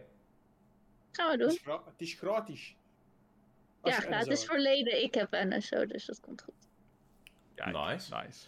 Ehm, nog een game zeggen, die ik hey. eigenlijk wel heel erg grappig vond, eh, die voorbij kwam, was eh, Trombone Champ. What the fuck was dat? Die game, eh, leuk weet je, toen de laatste uren van de Dutch Game Marathon insloegen in 2022 2021, Mhm. speelden wij Trombone Champ in de laatste uurtjes. Want die was toen net uitgekomen en was een hele hype. Dus toen Ja. hebben wij al als idioot Trombone Champ gespeeld. Het is een rare game. Maar Ja. het is wel grappig. Het, eh, het zag er wel, eh, wel heel heftig uit. Maar het is echt meer, part, het is meer een party game, leuk in het publiek, want alleen ga je er niet spelen. Het is echt een stream game, het is een, het is een party game, een gezelschap, dat is het eigenlijk. Ja, oké. Ehm, Het ziet er een beetje uit als Osu, maar dan inderdaad op eh trom trombone en op de Switch inderdaad. Ik, ben, eh, ja, ik ben natuurlijk wel heel benieuwd. Ik heb hem nog niet gespeeld hoor, maar ik zou hem wel, eh, wel willen spelen. In ieder geval een keer willen proberen. Laat me lachen. Ik vraag me echt Ja. af, eh, de gameplay, het, het deed me een beetje denken aan Wii Music. Volgens mij doe je maar wat en is het altijd wel goed of slecht. En ook als het slecht is, dan is het nog steeds goed. Want dan kunnen Nee. mensen lachen en dan is het grappig. Nee, want als jij te slecht speelt, dan stopt de muziek ook, geloof ik. Uiteindelijk. En als je goed gaat spelen, dan gebeuren er ook de wackies dingen in het scherm. Want ze hebben echt ook rare dingen die in het scherm voorkomen. En je hebt geloof ik... ehm, hoe heet die? De Overture. Eh. Dat- nummer zit erin, zeg maar. En als je die goed gaat spelen, opeens komen er allemaal paarden in het scherm. En die gaan opeens allemaal gekke dingen doen. Het is ook echt over de top gewoon. Het is... eh, Nee, er er zit wel iets van skill in. Oké, want ik hoorde op de direct zelf hoorde ik mensen alleen maar slecht spelen namelijk. Het klinkt sowieso niet fantastisch. nee, dat, eh, klonk haalde echt ik er super uit. duper val, mega vals. Om ja, het zo denk, maar te zeggen. ik denk dat dat wel de grap is een beetje. Het is eh, niet iets wat je serieus moet nemen. Nee. Wat ik trouwens eh, ook een verrassing vond, was eh, Another Code. Ja? Damn. Dat is overigens wel een game die ik vroeger nooit gespeeld heb op de Nintendo DS. Nee, dus, ik ook eh, niet. Maar ik vond, eh, ik, ik was aan het gushen over de boxart die ze hadden gedeeld. Want holy shit, dat is één mooie boxart. Ja, dat zeker waar. Ik, eh, En, ik, ik ja. weet alleen niet ja, wat ik nou echt van de game moet verwachten. Want het, eh, ja, het is visual novel puzzle, I guess. Beetje adventure visual novel-ish. Eh, Het, is, eh, het, het zijn dus twee games in één. Eh, Another Code en eh, Another Code are a Journey, a Journey into Forgotten Memories. Mhm. De ene is uitgebracht op de Nintendo DS en duurt volgens mij zo'n 4 uur van wat ik ervan heb gelezen. En de andere is uitgebracht op de Nintendo Wii en daar ben je volgens mij zo'n 20 uur mee, mee bezig. Oh, dat is Dus wel die is, wat, die is wat meatier, om het zo maar te zeggen. Je speelt als het meisje Ashley en zij... ja, volgens mij is er iets met haar moeder gebeurd of zo. En zij komt dan op de plaats waar dat gebeurd is. En moet dan clues verzamelen om er eigenlijk een beetje achter te komen... Wat er eh, gebeurd. wat, wat, wat de Forgotten Memories in, quest, eh, in kwestie eh, dus, dus, dus zijn. Eh, dus als je denk ik houdt van meer detective-achtige games, visual novels, puzzle games, dan, ja, dan is het volgens mij best, zijn het volgens mij best wel aardige, aardige spelletjes. Oké. Wanneer verschijnt de game? 19 januari. Dus dat is eh, ja, nog eventjes. Ja, het is wel, eh, eerlijk gezegd was dit wel een, een soort van verrassing voor mij hoe het eruit zag. En ik stond er wel voor open om dit als mijn januari titel te gaan halen, zeg maar. Gewoon lekker in het nieuwe jaar, gewoon een rustig titeltje spelen. Zie ik mezelf wel doen. Dus, Lekker eh, man. Ja, want Ja. wij hebben hem alle drie niet gespeeld. Eh, jij Evelyn, heb jij hem gespeeld? Nee. Sprak Nee, je wel een niet. beetje aan? Ehm, nou ja, de detective-achtige games spreken me sowieso de laatste tijd steeds meer aan. En dat kwam destijds omdat ik eh, Detective Pikachu een hele tijd geleden heb gespeeld. Daarna Professor Layton een keer gehaald heb op de DS. En daarna Ah, eigenlijk nice. allemaal maar een beetje heb laten varen. De eerste die uitkwam op de DS, ik weet even niet meer welke dat is uit mijn hoofd. Curious Village. Maar nu zie ik steeds meer van dat soort detective-achtige eh, games langskomen. Waarvan ik toch wel denk van nou, dat, dat is toch wel interessant. Nice. En kijk je dan ook uit, want dan maken we meteen een bruggetje naar... Detective Pikachu 2. Ja. Ondanks dat, dat iedereen loopt te klagen dat het er niet uitziet, kijk ik er wel naar uit. En inderdaad, het is jammer dat ze nog steeds niet een andere stem hebben gekozen voor Pikachu. Ik Ja. krijg een andere niet- Mario-stem, maar niet de, de Het is, Ryan niet, eh, Reynolds. het is niet. Ryan Reynolds, of wel? Nee, Nee. nee. Het is iemand met een hele zware stem. Detective heftig Shack, wel. Shack rokende Pikachu. Ik, ik, heb de, ik heb de Japanse besteld, want dan krijg je dus ook een speciale promokaart. En blijkbaar komt er dan ook nog een klein figuurtje bij. Superleuk. Maar eh, ja, ik, ik vind de Engelse stem van Pikachu toch een beetje tegenvallen voor, eh, voor wat Oké. het is. Maar je kan hem op het Japans zetten, dus... eh, Volgens mij kan je hem inderdaad gewoon van talen wisselen. Ik weet niet of dat ehm, bij Detective Pikachu gaat liggen aan welke taal je op je Switch hebt staan. Of dat je het in het spel zelf kan, eh, kan uitkiezen. alright. Maar je hebt dus eh, de game eigenlijk gewoon al gepreorderd dan, begrijp ik. Of in ieder geval al eh, Ja. besteld. Damn, En is, dat op, is dat ook een beetje op basis van hoe leuk je Detective Pikachu 1 eh, vond? Nou, het eindigde met een, een open einde eigenlijk. En het, is, Ah, het is niet heel ingewikkeld. Het is niet dat je echt super ingewikkelde puzzels hebt waarbij je echt urenlang door moet gaan. Eh, maar het is wel vermakelijk. Ja. En is het net als in de film ook dat eh, je allemaal eh, Pokémon tegenkomt in die wereld die dan ook zeg maar een soort van functie hebben? Zoals eh, die Ludicolo die dan, die dan achter een bar staat en zo. Dat vond ik wel geniaal in die film namelijk. Eh, de Pokémon daarin hebben wel eh, dat ze je ook kunnen helpen met verdere clues komen en verder in het spel komen. Dus eh, ze hebben volgens mij niet allemaal die, die leuke functies als Ludicolo. Ze lopen wel natuurlijk met trainers mee, maar sommigen lopen ook gewoon rond eh, als Ja. zwerg Pokémon. Ja, ja. Nou jongens, ik heb het eh, gedaan hè. Ik heb gewoon een minuut lang enigszins positief gepraat over Pokémon. Of iemand anders positief laten praten over Pokémon.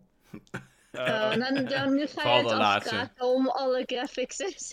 Nee, nee, nee, dat, dat, dat is te makkelijk. Eh, het enige wat ik wil zeggen, maar dat is niet een dis naar Detective Pikachu, maar meer eh, een dis naar die andere Pokémon games. Ik vind dat, hoe slecht er ook uitziet, het ziet er wel beter uit als Scarlet en Violet. Pokémon Legends Arceus blijft het beste, but Ja, 100%. Legends Ehm. Arceus is de beste Pokémon game sowieso op Switch. Daan Ik- zegt ik- ik- overigens... eh, ik ga dat niet eh, te- tegenspreken. Daan zegt overigens, eh, gaat Rayon in 2024 terug naar Japan voor een bezoek aan het Nintendo Museum in Kyoto? Nee.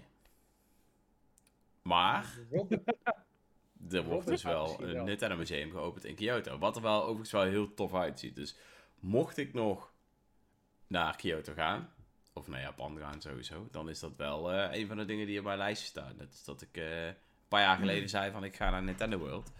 Ja, dat is echt wel... eh, dit is wel eentje van, als je er bent, dan moet je er ook heen gaan. 100%. Ik ben dus wel van plan om eh, in 24 naar Japan te gaan. Dus toevallig was het na maart. Dus het kwam perfect uit eigenlijk, als die dan echt open is. Ja, Heb je nice. nog plek wie in de koffer voor, voor drie personen? Voor één Pikachu. nee, voor drie Eh, personen. nee, sorry. Ik moet toch echt eh, dingetjes terug meenemen, zoals souvenirs. Jammer. Belangrijker. Snap ik. nou ja, episch. Ik, eh, ik ben benieuwd naar het museum. We gaan eh, denk ik wel hele vette dingen zien. Dus als Robin er is, gaat hij hele coole foto's maken, hoop ik. Ja, vooral van het dak. Ja, Ik En ga- misschien ik ga, het dak- ik ga het dak. Het zal niet zo heel hoog zijn. ik verwacht dan wel een videoreview van Robin over het Nintendo Museum. Boom. Ik weet niet of ik met een hele camera daar naar binnen ga om dat te gaan filmen. Ik zit daar eh, voor mijn. Zo, voor je hebt, toch gewoon een leisure. smart, je hebt toch gewoon een smartphone, jongen. Geen Ja, excuus. je kan gewoon filmen met je telefoon. Gewoon kleine dingetjes filmen. Van kijk, dit is super episch. En dit. En dat. Ja, ik zal erover nadenken voordat de Nintendo Ninjas me in één keer afmaken in het museum. Dan sta ik er zelf als een eh manneke bij. Oh nee, de ninjas staan nog bij ga- een beetje.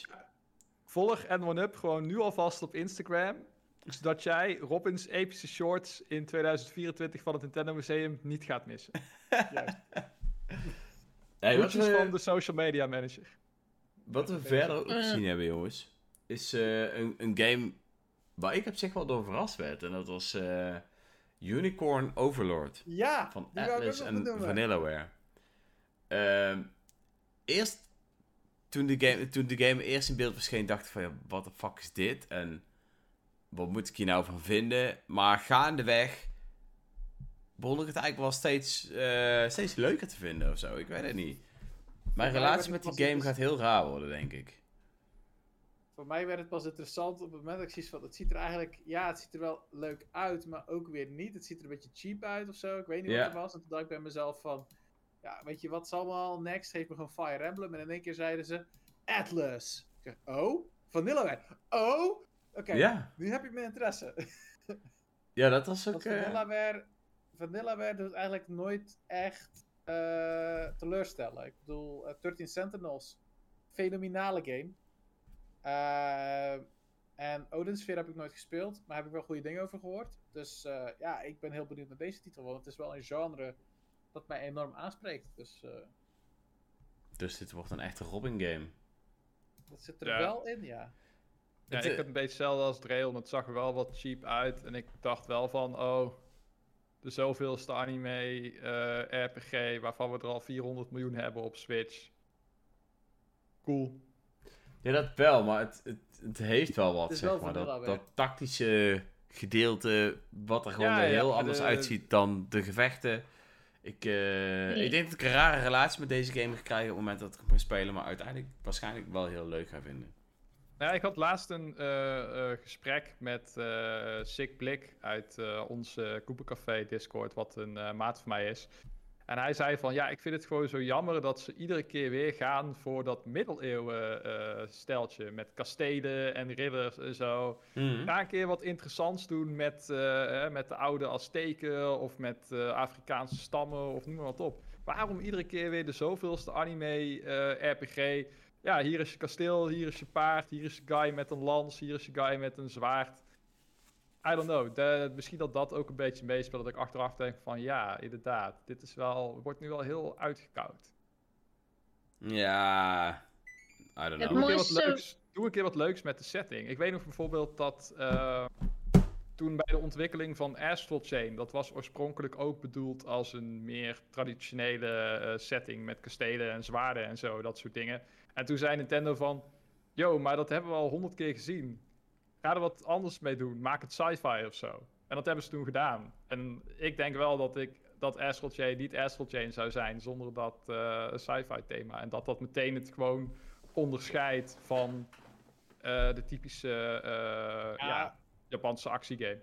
Ik denk dat Live Alive een goed voorbeeld is van een spel die laat zien hoe RPG's of zulke avonturen in andere tijdperken een succes kunnen zijn. Omdat ze daar heel veel verschillende dingen hebben laten zien, zoals het Wilde Westen, maar ook Imperial. China, Ja. Story.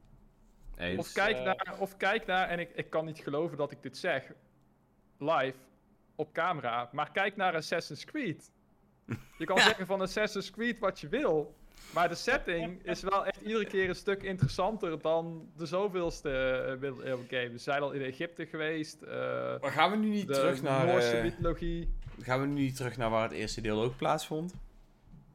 Ik heb geen idee, ik volg Assassin's Mirage Creed is helemaal niet. geloof ik in eh, Perzië.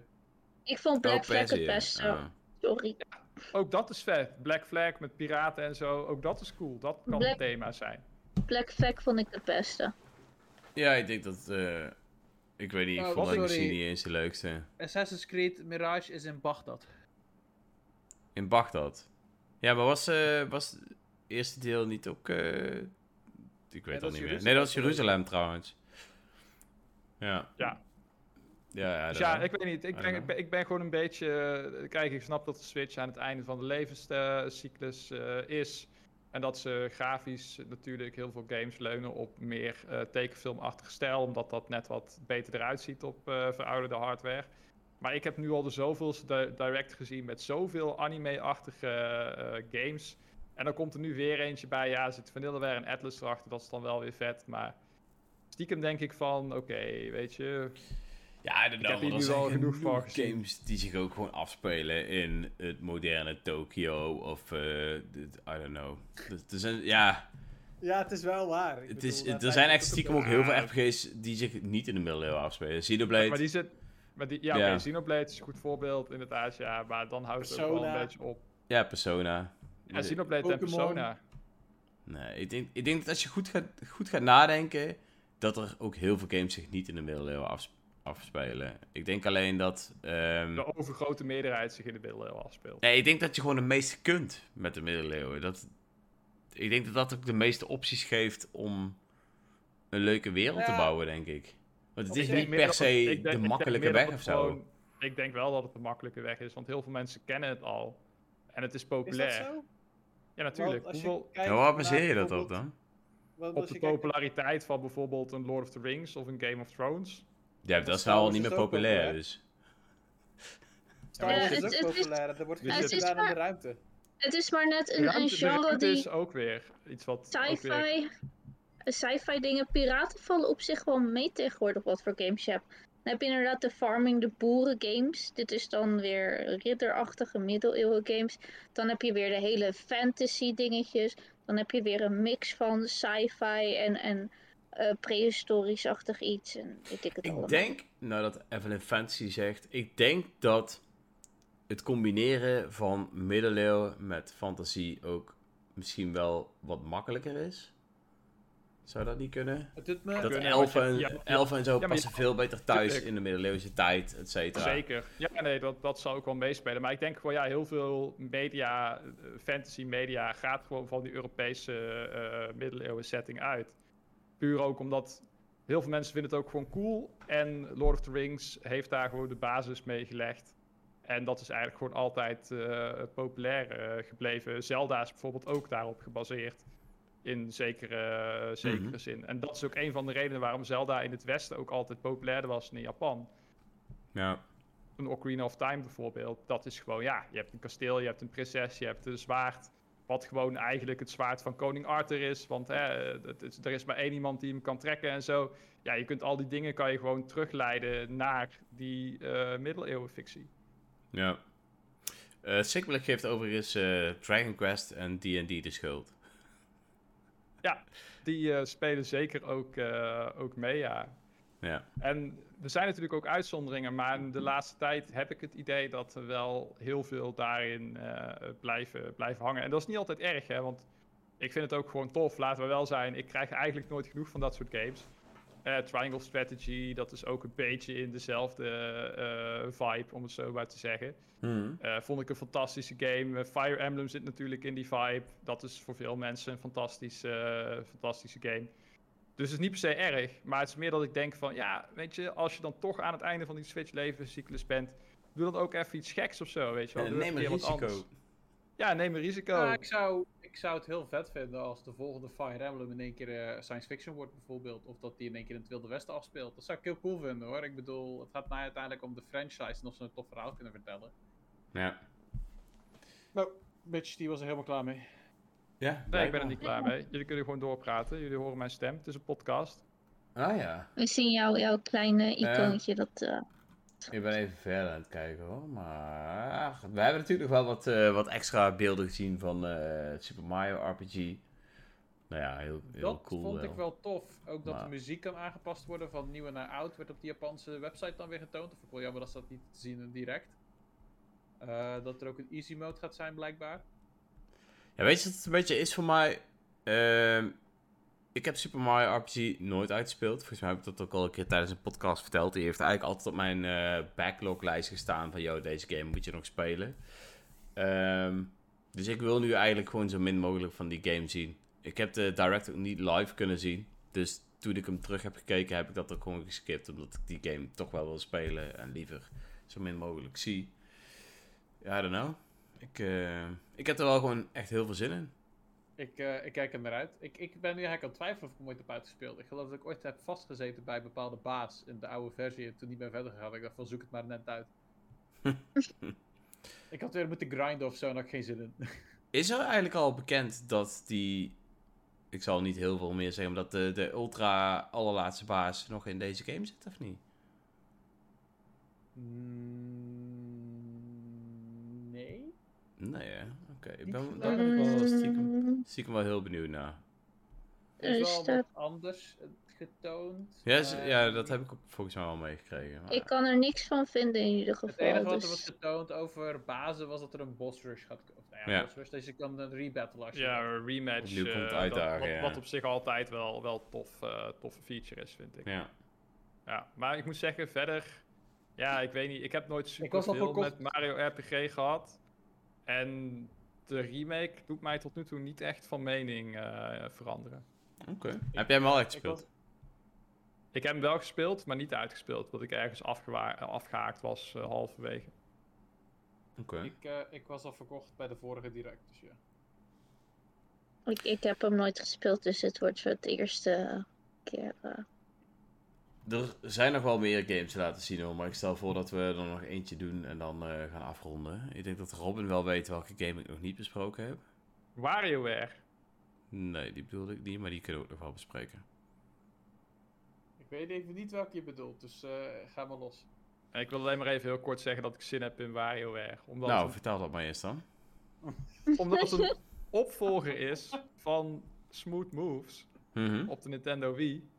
Eh, in Japan heet die blijkbaar ook Smooth Moves eh 2. En hier heet die Move It. En Smooth Move was een van de vetste WarioWare games ooit gemaakt. Juist omdat je die gekke controlebewegingen en motion controls en zo. Ja, dat past gewoon perfect bij een meer party-achtige game als, eh als WarioWare. En dat, eh, om dat samen met mijn vriendin te spelen of zo, daar heb ik wel heel veel zin in.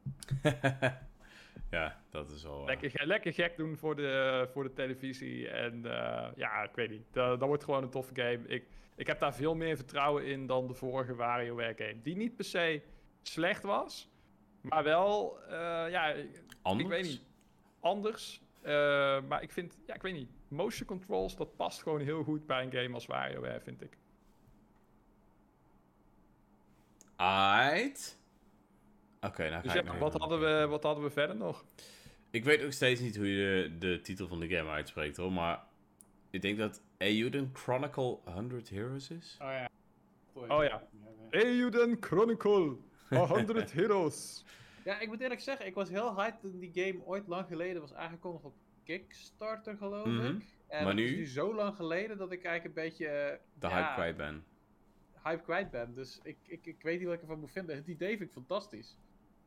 Eh, het ziet er ook best wel prima uit, maar deze aankondiging, of in ieder geval nieuw aankondiging deed me niet zo heel veel. En misschien was het ook wel deels verzwakt dankzij bijvoorbeeld ehm, Unicorn Overlord en eh, die Saga game die ook al was aangekondigd, zeg maar. Het was al zoveel RPG en dan kwam deze nog als, als laatste geloof ik langs. En Ja. ik had zoiets van, ja, ja oké. Maar dit is waarschijnlijk wel een hele goeie. Hij ziet er echt Het super tof uit. Goeie. Eh, ben jij een beetje wel- fan van de games waar dit eigenlijk op gebaseerd is? Suikoden? Ik heb ze nooit gespeeld. Oké. Is dit gebaseerd op Suico, Suicoden? Of Suicoden? Of hoe Ja. het ook heet? Ah. Als het goed is, is het een soort van spiritueel eh, vervolg, eh, heb ik mij eh, toen laten wijsmaken. Oh, ik zie het ook in ons bericht staan, dus ik ga er vanuit van wel. Ja, meestal weten wij wel wat we doen. Ja, wel als Erik. Erik weet altijd wat hij doet. Ja. Nee, dus eh, ik vond dat zelf wel echt hele toffe games. Ik heb de, op de PlayStation heb ik er ooit één daarvan gespeeld en de Nintendo DS-versie, die overigens ook best wel leuk was. Kijk, en daar gaat het fout, want de PlayStation heb ik nooit, de PlayStation heb ik nooit op tijd gehad, dus ik heb ook nooit die games gespeeld. Ik ook nooit op tijd. Ik heb die teruggespeeld, zeg maar. Toen in de tijd dat die games nog betaalbaar waren. Dus ehm, ja, ik kijk er wel heel erg naar uit. Ik vind het stijltje ook echt heel tof. Dus ehm, ik ben benieuwd. Ik eh, ik ben wel heel benieuwd. Hij komt Ze ook hebben in toen april, de dus- tijd, en dat is wel een grappig weetje. Ik weet niet of ik het nog ergens terug kan vinden, maar ik weet dat toen die game op Kickstarter werd aangekondigd, dat ze volgens mij zeiden van, eh, hij gaat niet voor de Switch komen, maar voor de opvolger van de Switch. Ja, dat klopt, ja. Ja, dat klopt. Ja. Hmm. En dat hij nu dus voor de Switch komt, dat, dat vind ik wel grappig. Dus dat, of zij hebben een bepaalde uitdaging weten te, door- te doorstaan waardoor het nu lukt. Of het wordt één groot fiasco. En ik ben wel heel benieuwd hoe, ja, hoe dat eigenlijk eh, gaat. Want ze hebben toen volgens mij redelijk nadrukkelijk gezegd van... hij gaat niet voor de Switch komen, maar voor de opvolger van de Switch. Want de Switch kan hem gewoon niet aan. Dus ja. Nou ja, de, Nou de, trailer liet blijken dat het wel ging, dus... eh, ja dus Misschien is dat je hem grappig. straks. Eh, misschien dat je hem straks op de Switch hebt runnen, maar dan ook op de eh, opvolger van de Switch. Ja, hij is aangekondigd voor 23 april, dus... eh, het is niet zo Dus heel dat je meer. dan inderdaad Hey, misschien wel een verschil hebt in hoe, hoe smooth het speelt, et cetera. Maar Ja, maar dan hadden ze Dan de versie voor de Switch 1 hadden ze gewoon 50 heroes moeten doen in plaats van 100 heroes. gewoon hal- halveer het aantal helden en de Switch kan het opeens wel aan. Hey. Nou ja, ik... als eh, het de Wonder- Wonderful 101 aan kan, kan dat ook wel de 100 heroes aan. Boom. Daar heb je een punt. Ja, dat, is, eh, dat is eigenlijk de laatste game waar ik naar uitkeek. Ehm, ja, voor de rest, ja, ik, ik denk dat, dat deze hele, deze hele direct op zich een prima direct was. Apenknul zegt nog wat. Dat mag. Even tussendoor. Even tussendoor. Ik ben later binnengewandeld. Maar wat is jullie mening over Diddy, Funky, Pauline en Pichette in Mario Kart 8? Oh, ik Sorry, was die, die was gewoon Nee, ik moest lachen toen ik Pichette la- las. Ik weet niet, ik schoot in de lach ervan. Maar eh in Mario Kart eh, de, eh Achterlux. Eh Ja. eh, cool. Ja, Ja. Pichette was, was... Ja, Pichette. Ja. Random. ik had Nabbit gekozen als ik dan toch iemand zou moeten kiezen van de, van de Mario Bros games. Ja, eens. Ik vind het wel vind het oké, wel een maar- leuke afwisseling, maar inderdaad, Pichet had niet geroepen. Nee, ik denk dat eh, de drie Pichet-fans in Nederland eh, helemaal uit hun dak gingen. Maar de rest van de wereld waarschijnlijk zoiets had van... Oké, weer een versie van Peach. Leuk. Volgende. Eh, Eh Diddy Kong, cool. Had er al heel lang in moeten zitten. Maar leuk dat hij alsnog eh, komt. Pauline. Ik had zelf op koning eh Bob Omp gehoopt. Omdat eh, ja, die heeft gewoon een epische snor en een kroontje. en die hebben ja, veel te weinig personages. eh, ja, ik vind het gewoon vet karakter. Nou, dat niet zozeer, maar niet een episch, zo'n epische snor als, eh, als King Bob Omp. Dat, King eh, Bob is echt episch. Hij inderdaad, heeft de daar- beste snor ooit. En ik ben ook heel benieuwd snor. hoe die zeg maar in dat wagentje had gepast en hoe ze dat hadden Ah ja, dat kun je zien in. Mario Kart Tour. Want Ah. daar zit hij in. En daar komen deze personages ook uit. Nice. Pauline, ja, op zich leuk. Eh, prima. Ja, die had er Verder. ook wel een keer in gemogen, zeg maar. Toch? Ja, inderdaad. Ja. Eh, ze, hebben, ze hebben toen dat, eh, dat New York level al in de eerste DLC toegevoegd. En nu eindelijk Pauline, dus ja, prima, beter laat dan nooit. Ja. Oké, ehm, ja, we moeten het toch even over hebben, jongens. De, dit gaat Mitch heel leuk vinden, maar... We gaan het hebben over Pokémon. Mitch gaat proberen positief te blijven. maar ja, de DLC is uit, de eerste DLC. De, hoe heet het? De Teal Mask, volgens mij in mijn hoofd. Dat De- is- En Steel wat een Mask, feest, ja. jongens. Wat een feest. Ik ben zo blij. Ik weet niet of jullie het ook hebben, maar ik ben zo blij dat eh, eh, Game Freak en de Pokémon Company hiermee alle kritiek te harte hebben genomen. En gewoon meteen de hele game gepatcht hebben. Er zijn nul framerate problemen. Eh, de, de game loopt echt als een zonnetje nu. Eh, alles is eigenlijk gepatcht wat ooit het probleem eh, eh, was. En er zijn helemaal geen nieuwe grafische bugs of slowdowns geïntroduceerd met deze nieuwe DLC. Het is fantastisch, geweldig. Patch af Game Freak. Ik had dit nooit verwacht, maar jullie hebben mij echt positief verrast. Ja, ik ben het er 100% mee eens. Ze hebben mijn verwachtingen echt overtroffen. Ik had niet verwacht dat ze dit allemaal op zouden lossen voor de nieuwe DLC. Maar ja, weet je, dit is gewoon, dit is gewoon geniaal. Dit is echt goed. Ja. Dus ik ben wel Dat heel benieuwd wat- eh, dat wat was jij wat- ervan wat- vindt, Robin. Want je hebt de... Dat de- was, eh, dat, dat was dus wat ik gezegd zou hebben als we daadwerkelijk in een ideale wereld zouden leven. Maar dat is niet zo. Ze hebben weer Man, gefaald. man. Ehm, maar goed, we gaan nu horen van Pokémon-fans Robin en Evelyn dat het toch allemaal wel meevalt en dat de game stiekem toch best wel leuk is en de DLC ik, ook. eh, ik heb de DLC nu ondertussen drie keer gekocht. Eh, want Drie keer? Pokémon. Oh, Ja, want ja, nee, ja, je moet gewoon geld Ah. geven aan Pokémon, want eh, de gimme goals moeten rollen. mhm. Eh, nee, ehm, ik zou de DLC in, niet kopen op dit moment. En de redenen zijn. Het is een verhaal die nu nog maar vier uur duurt. Dus na vier uur heb je het verhaal afgerond. Dus dat is het hoofdverhaal dat in het spel afspeelt. Wat heel aandoenlijk is. Het is een heel leuk verhaal, moet ik wel eerlijk zeggen. Ik vond ook de nieuwe Pokémon die werden geïntroduceerd vond ik ook leuk. Maar het zijn dezelfde problemen die Scarlet en Violet hebben. Het is gewoon meer Scarlet en Violet. Het is eigenlijk gewoon Paldea Light. In een Japans jasje. Met toffe muziek. Met leuke Pokémon designs. Maar met ontzettend veel technische problemen. Die eigenlijk op sommige punten veel erger zijn. De hoeveelheid slowdowns die ik heb meegemaakt zijn best wel erg geweest. En doet dat mijn pret onderdrukken? Nee, want ik vond het leuk wat ik aan het spelen was. Maar het Jij haat, niet. jij, jij haat gewoon jezelf. Dat is prima, dat, eh, dat mag. Eh, Wederom nee. ambivalente gevoelens. Ja, respect, je, hebt geen, je, je houdt niet van games met tijdsdruk, maar je respecteert niet je eigen tijd. Nou ja, Wauw. Ik denk, eh, zal ik het zo zeggen? Ik vind het gewoon eigenlijk. De Pokémon game, ja, Pokémon Scarlet gaf mij gewoon plezier toen ik het speelde. En ik geloof dat ik me nog herinner dat jij toen de tijd ook zei dat jij Pokémon Scarlet leuk vond toen je het speelde. Dus je praat jezelf een klein beetje tegen. Eh, en de DLC, ja. Ik vond het leuk toen ik het speelde, inderdaad, dat klopt. Maar dat is hetzelfde als dat je op een of Maar andere dat is de verschrikkelijk als jij een slecht... spel speelt, of niet? Nee, nee, nee, nee dat, maar bij Pokémon werkt dat anders. Hè. Het is hetzelfde als dat je op een verschrikkelijk slecht feest, eh, feest staat. Met echt waardeloze mensen en, en, en echt oorverdovend slechte, slechte muziek. Waarvan je oren echt gaan bloeden. Maar je hebt wel heel veel alcohol op. En je begint als een soort van hè, Stockholm-effect toch een beetje plezier erin te krijgen. en later kijk je erop terug, de volgende ochtend, en denk je van ja, ja, dat was eigenlijk best wel een leuke avond. Maar dan word je helemaal nuchter en denk je van nee, nee, dat is eigenlijk verschrikkelijk. En dan zie je de foto's terug en dan denk je, wat heb ik nou eigenlijk gedaan?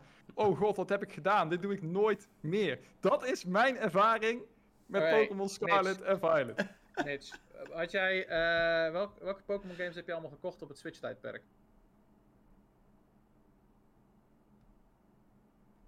Pokémon, Sword Wat heb jij toen gezegd? Na Pokémon Po- Sword.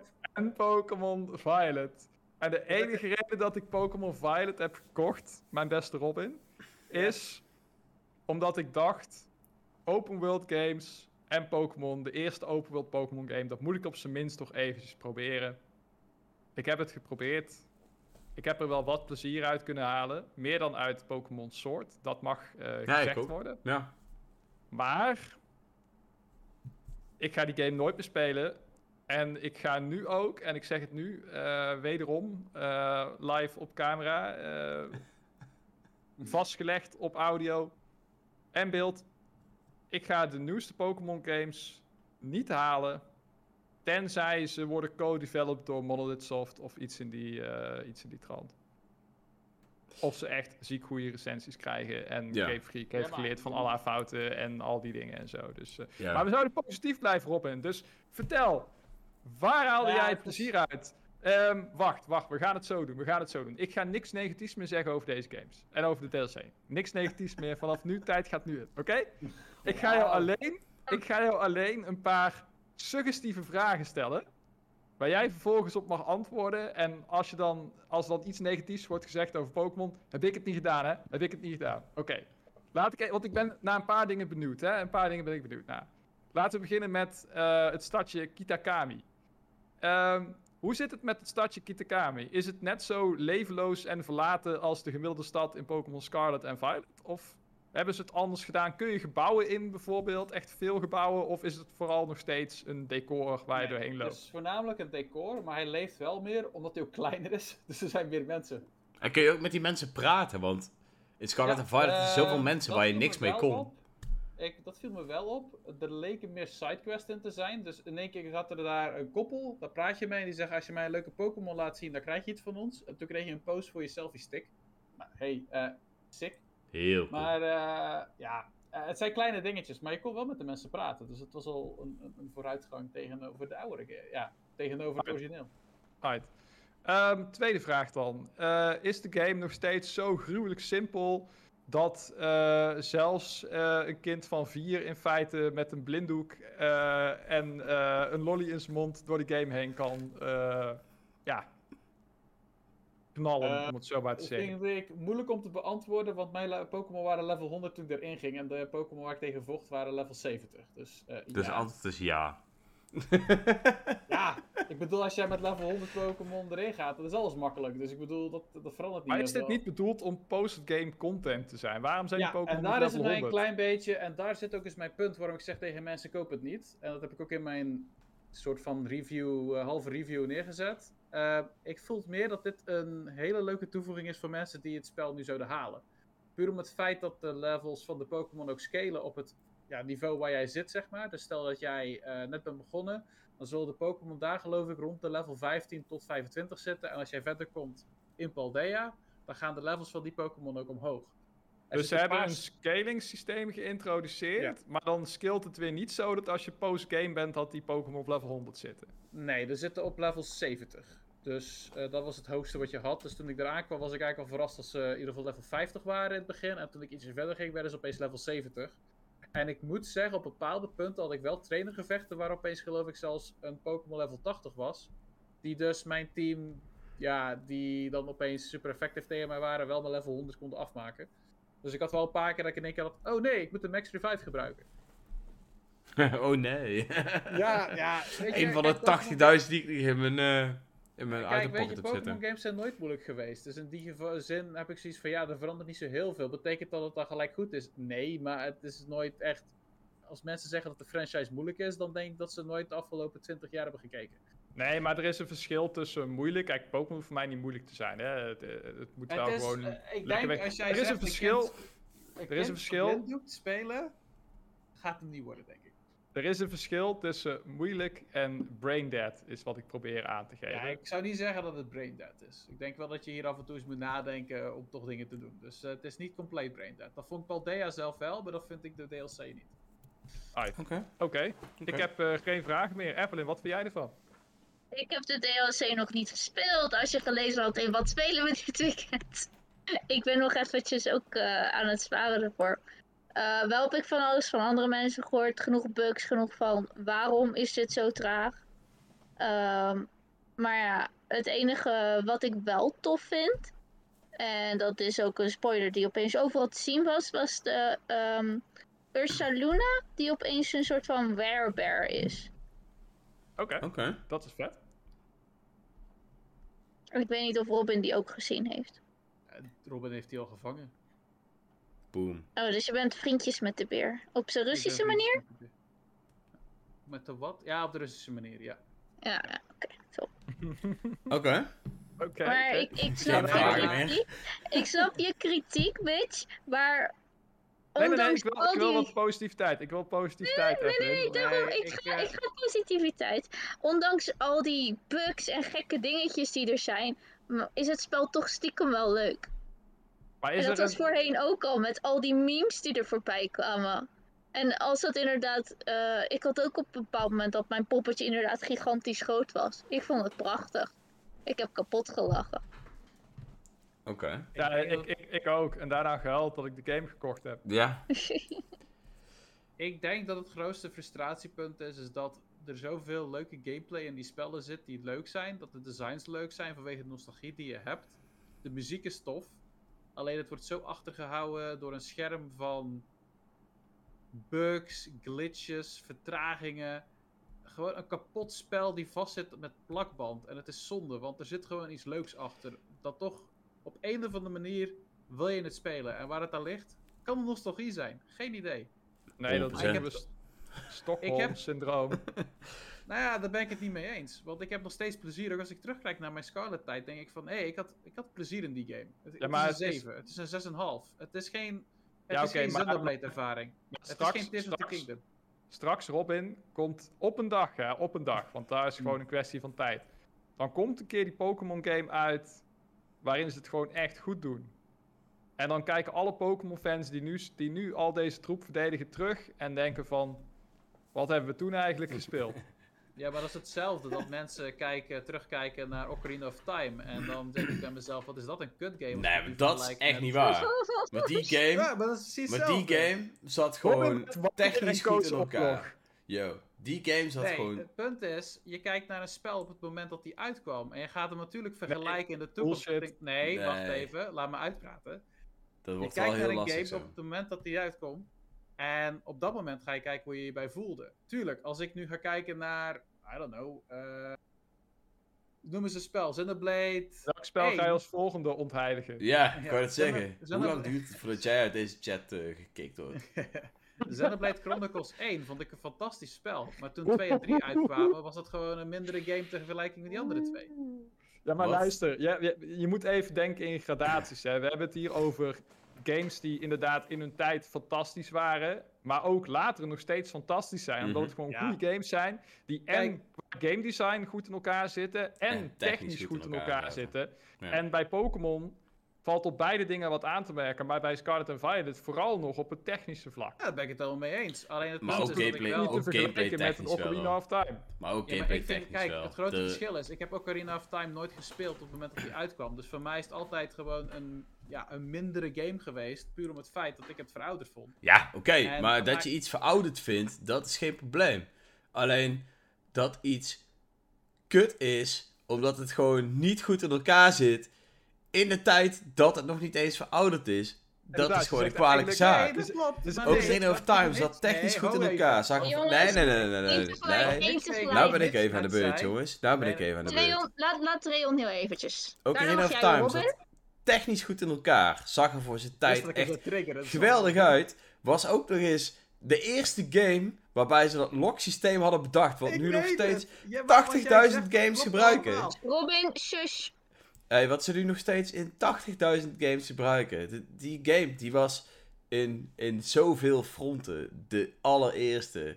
En dan ga jij hier lopen huilen en Pokémon Scarlet en Violet lopen verdedigen. Een DLC die verdomme veel te duur is voor wat het brengt. Ja, nee. Nee. Nou, even. Ik verdedig hier niks. Ik zeg alleen dat ik plezier heb. Nou, je vergelijkt het met Ocarina of Time. Juist. En toen, Ja, ja, ik kan dan het ook vergelijken mijn... met, eh, dan breekt ik kan mijn het ook vergelijken met een, een, Super Nintendo game. Ik kan het vergelijken met een NES Nee, game. nee, nee, nee, nee. Je, punt- kunt, je, kunt, je kunt die vergelijking niet maken. En weet je waarom? Omdat die games allemaal ouder zijn. En wat jij eigenlijk zegt, is als ik nu een game speel uit 1996, dan voelt dat technisch brak. En als ik nu een Pokémon game speel uit 2023, dan voelt het ook technisch brak. Dus eigenlijk ben je Pokémon niet eens aan het verdedigen, maar aan het afkraken. Maar je hebt het Nee, zelf niet eens door, omdat je gewoon zo ver in die Pokémon eh Ja, nee, wereld deze zit. Nee, mijn reactie kwam uit het feit dat jij zei: straks komt er een Pokémon game uit die het goed heeft gedaan. Dan ga je terugkijken, dan zet je hier terugkijken klopt. hoe je je toen voelde. Met die Ja. games. Dat zei Ja. Ja, maar, maar dan, dan- maar dan hebben we het, maar dan hebben we het over een tijdspanne van misschien vijf jaar, niet over twintig jaar. En dan ga Maar je... dat maakt En dan ga je... Nee, maar dan... Terug, wow, maar de stappen die jij maakt nu ook zijn gewoon heel anders. Want we kijken nu ook al terug naar games die vroeger uitkwamen, die nu al zeg maar nostalgisch zijn voor mensen. Of het nou vijf jaar is of tien jaar, dat maakt Ja, helemaal maar geen dit spel uit. gaat niet Maar no- voor mij- nostalgisch Dat zijn. maakt, wel, maar dat maakt wel uit.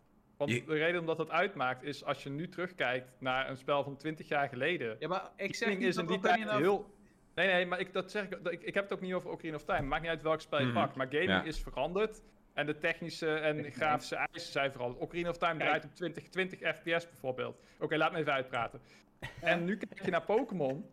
En over vijf jaar komt een nieuwe Pokémon game uit op de Switch 2. Ze hebben hun dingen bij, eh, eh, redelijk goed voor elkaar. Monolith Soft helpt mee, ik noem het maar op. En dan kijk je terug naar een spel van nog geen vijf jaar geleden. Ja, En dan zie je al zoveel brakheid. Omdat het spel op release al gewoon brak was. Ja, En ook zeg ik, waar... niet, laat me even uitpraten. En ook gewoon niet gepatcht is. Want het is wel gepatcht, maar het wordt er gewoon niet beter op. Terwijl dat wel, eh, toen de controverse nog op zijn hoogtepunt was, is dat gewoon letterlijk beloofd. Dus Ja. of Game Freak of Nintendo heeft gewoon glashard gelogen met hun we gaan hier iets aan doen. En mensen, het maakt ze gewoon niet uit, want het is Pokémon. En de game is gewoon Ja, maar- technisch gewoon brak. En of het nou over vijf of tien jaar is dat je erop terugkijkt. Het punt is, als je echt niks anders gewend bent dan Pokémon, dan heb je iets nodig om je ogen te openen van hé, hey, dit is gewoon niet oké. Kijk, weet je wat er ook had kunnen gebeuren? Ehm, Cyberpunk 2077. Die game die verscheen ook. Dat was ook één grote tyfusbende. Ehm ik heb nu vernomen dat met die laatste DLC... dat ze nu zeg maar echt de hele game gewoon volledig op de schop hebben genomen. Kijk, dat is een manier hoe het had kunnen zijn voor. Pokémon. Ze hadden ook gewoon kunnen zeggen, weet je wat te doen? We wachten eventjes twee maanden langer met die DLC of whatever the fuck ze nodig hebben. We fixen onze shit en we brengen een DLC waarvan iedereen denkt van, yo, dit is hoe Pokémon moet zijn. En dat Maar- doen ze gewoon niet. En dan sta jij hier Pokémon te verdedigen en ook nog een vergelijking te maken met Ocarina of Time.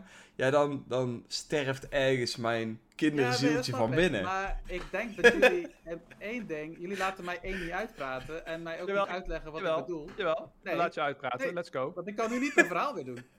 Nee, Punt let's is go. nu aan het woord. Punt. Ja, als je mij het verhaal wil laten doen, moet je me wel laten uitpraten. Want jullie doen nu, woorden, eh, nu mij woorden in de mond leggen die ik niet heb gezegd. Vertel het nou. Robin, Kom, vertel. klaar, vertel. En bek houden. Nee. nee. Kijk, wat ik bedoel te zeggen is, ik heb Als je nooit gezegd... Wat ik niet heb gezegd, hè, is dat de technische aspecten van Scarlet en Violet die verdedigen. Want die zijn niet te verdedigen. Punt. Pokémon is de beste franchise die het meeste verdient in de wereld. En ze halen dit eruit. Wat ik zeg is dat de gameplay die erin zit op een nostalgische wijze nog steeds leuk is. Mitch daarentegen zegt tegen mij dus: hey, over vijf jaar, laten we daar even op houden, komt er een nieuwe Pokémon game uit die jouw oog gaat openen dat de vorige games kut waren. Dat is het enige wat jij zegt. Dat ze minder waren.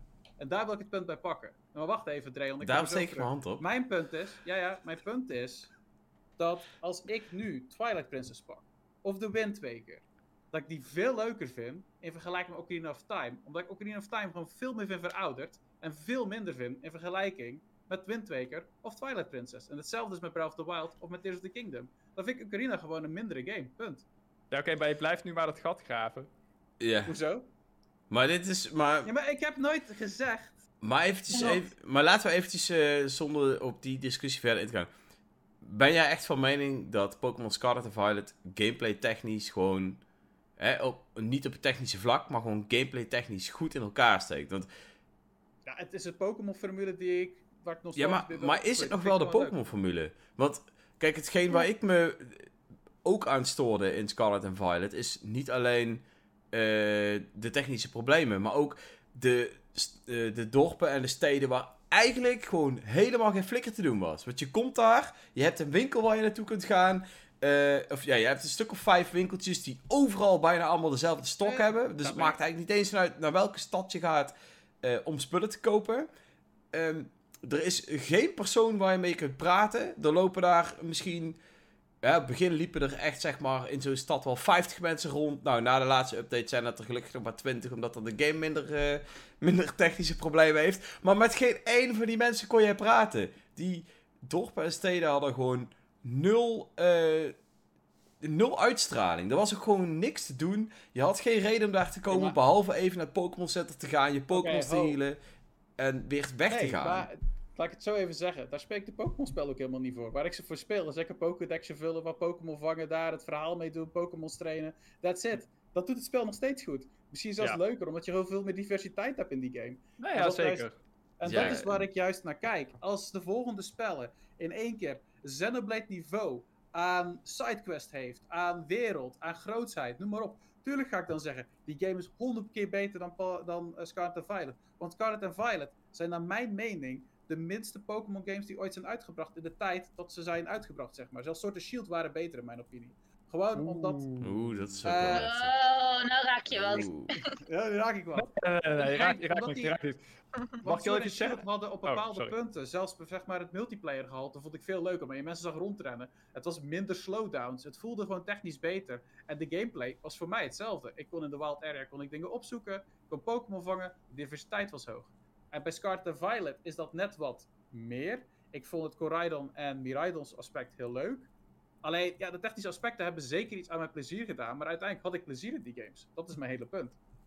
Oh, nee, Ja. ja, maar ik heb heb ook nooit gezegd dat ik geen plezier heb gehad aan die game, hè. Ik, ik- maar ik, ik moet wel zeggen dat er, er zitten zoveel... Ja, maar ik heb ook nooit gezegd dat deze games goed zijn. Ik heb Nee, alleen nee, gezegd nee, dat ik plezier uit uit deze games. En ik denk dat de DLC gewoon meer, meer Scarlet Violet is. Ik, heb, want ik zie ook dat uh, Shiren 1000 zegt van waar gaat deze discussie heen? Wil je nou gewoon voor Robin horen dat de game slecht is? Nee, wij willen niet van Robin horen dat de game slecht is.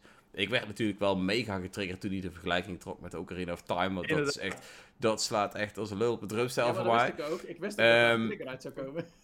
Is Maar- goede content. Is goede Kijk, want ik, content. ik, heb, de game, ik heb de game ook gespeeld. Ik denk dat ik goede 50 uur gespeeld heb of zo. Ik heb de game gewoon uitgespeeld en toen was ik er klaar mee nadat ik nog naar de, de dinges ben gegaan, die Area Zero. Maar, ja, I don't know. Ik, eh, voor mij is het nu ook gewoon echt klaar. Ik zou de DLC ook echt niet meer hoeven spelen. Snap ik. Ik, Ik bedoel, eh, dat is ook denk ik... Oh, sorry Mitch. Ik, eh, ik, ik wil alleen nog even zeggen, Robin, inderdaad, van we moeten denk ik geen twee dingen door elkaar halen. Het is niet mijn bedoeling om eh, eh, jouw mening te bashen of de game te veel eh, te bashen op het eh, gameplay eh, front, want ik snap dat mensen daar gewoon hun plezier uit kunnen halen. Het was Ja. alleen meer om, de, om even aan te geven van dat de vergelijking met Ocarina of Time niet heel eh, op het zeg maar technisch aspect en verouderd aspect eh, in mijn optiek en in die van Trail ook een klein beetje krom ging. En dat doet verder ook niks af aan Ik denk... kijk, de validiteit of dat soort dingen. Want het levert wel een leuke discussie op, om het zo Ja. uit te zeggen. Ik moet ook wel zeggen dat ik het heel grappig vind dat eh, voor een podcast waarin ik de discussie heb geopend met van... Hé hey jongens, ik ga niks negatiefs zeggen over Pokémon. we de meest heftige Pokémon discussie hebben gehad tot Ooit. nu toe op deze podcast. Ja, 100%. nou Dus ja, het het is was, wel heel grappig. Nou ja, wat Sharon ook zegt, het was niet te vergelijken met de game zelf. Het was inderdaad meer van wat hij zegt. Dat was inderdaad hoe ik het bedoelde. Dat wanneer een game ouder is, is vaak de nieuwere game is leuker dan de oudere game. Zo kijk ik ernaar.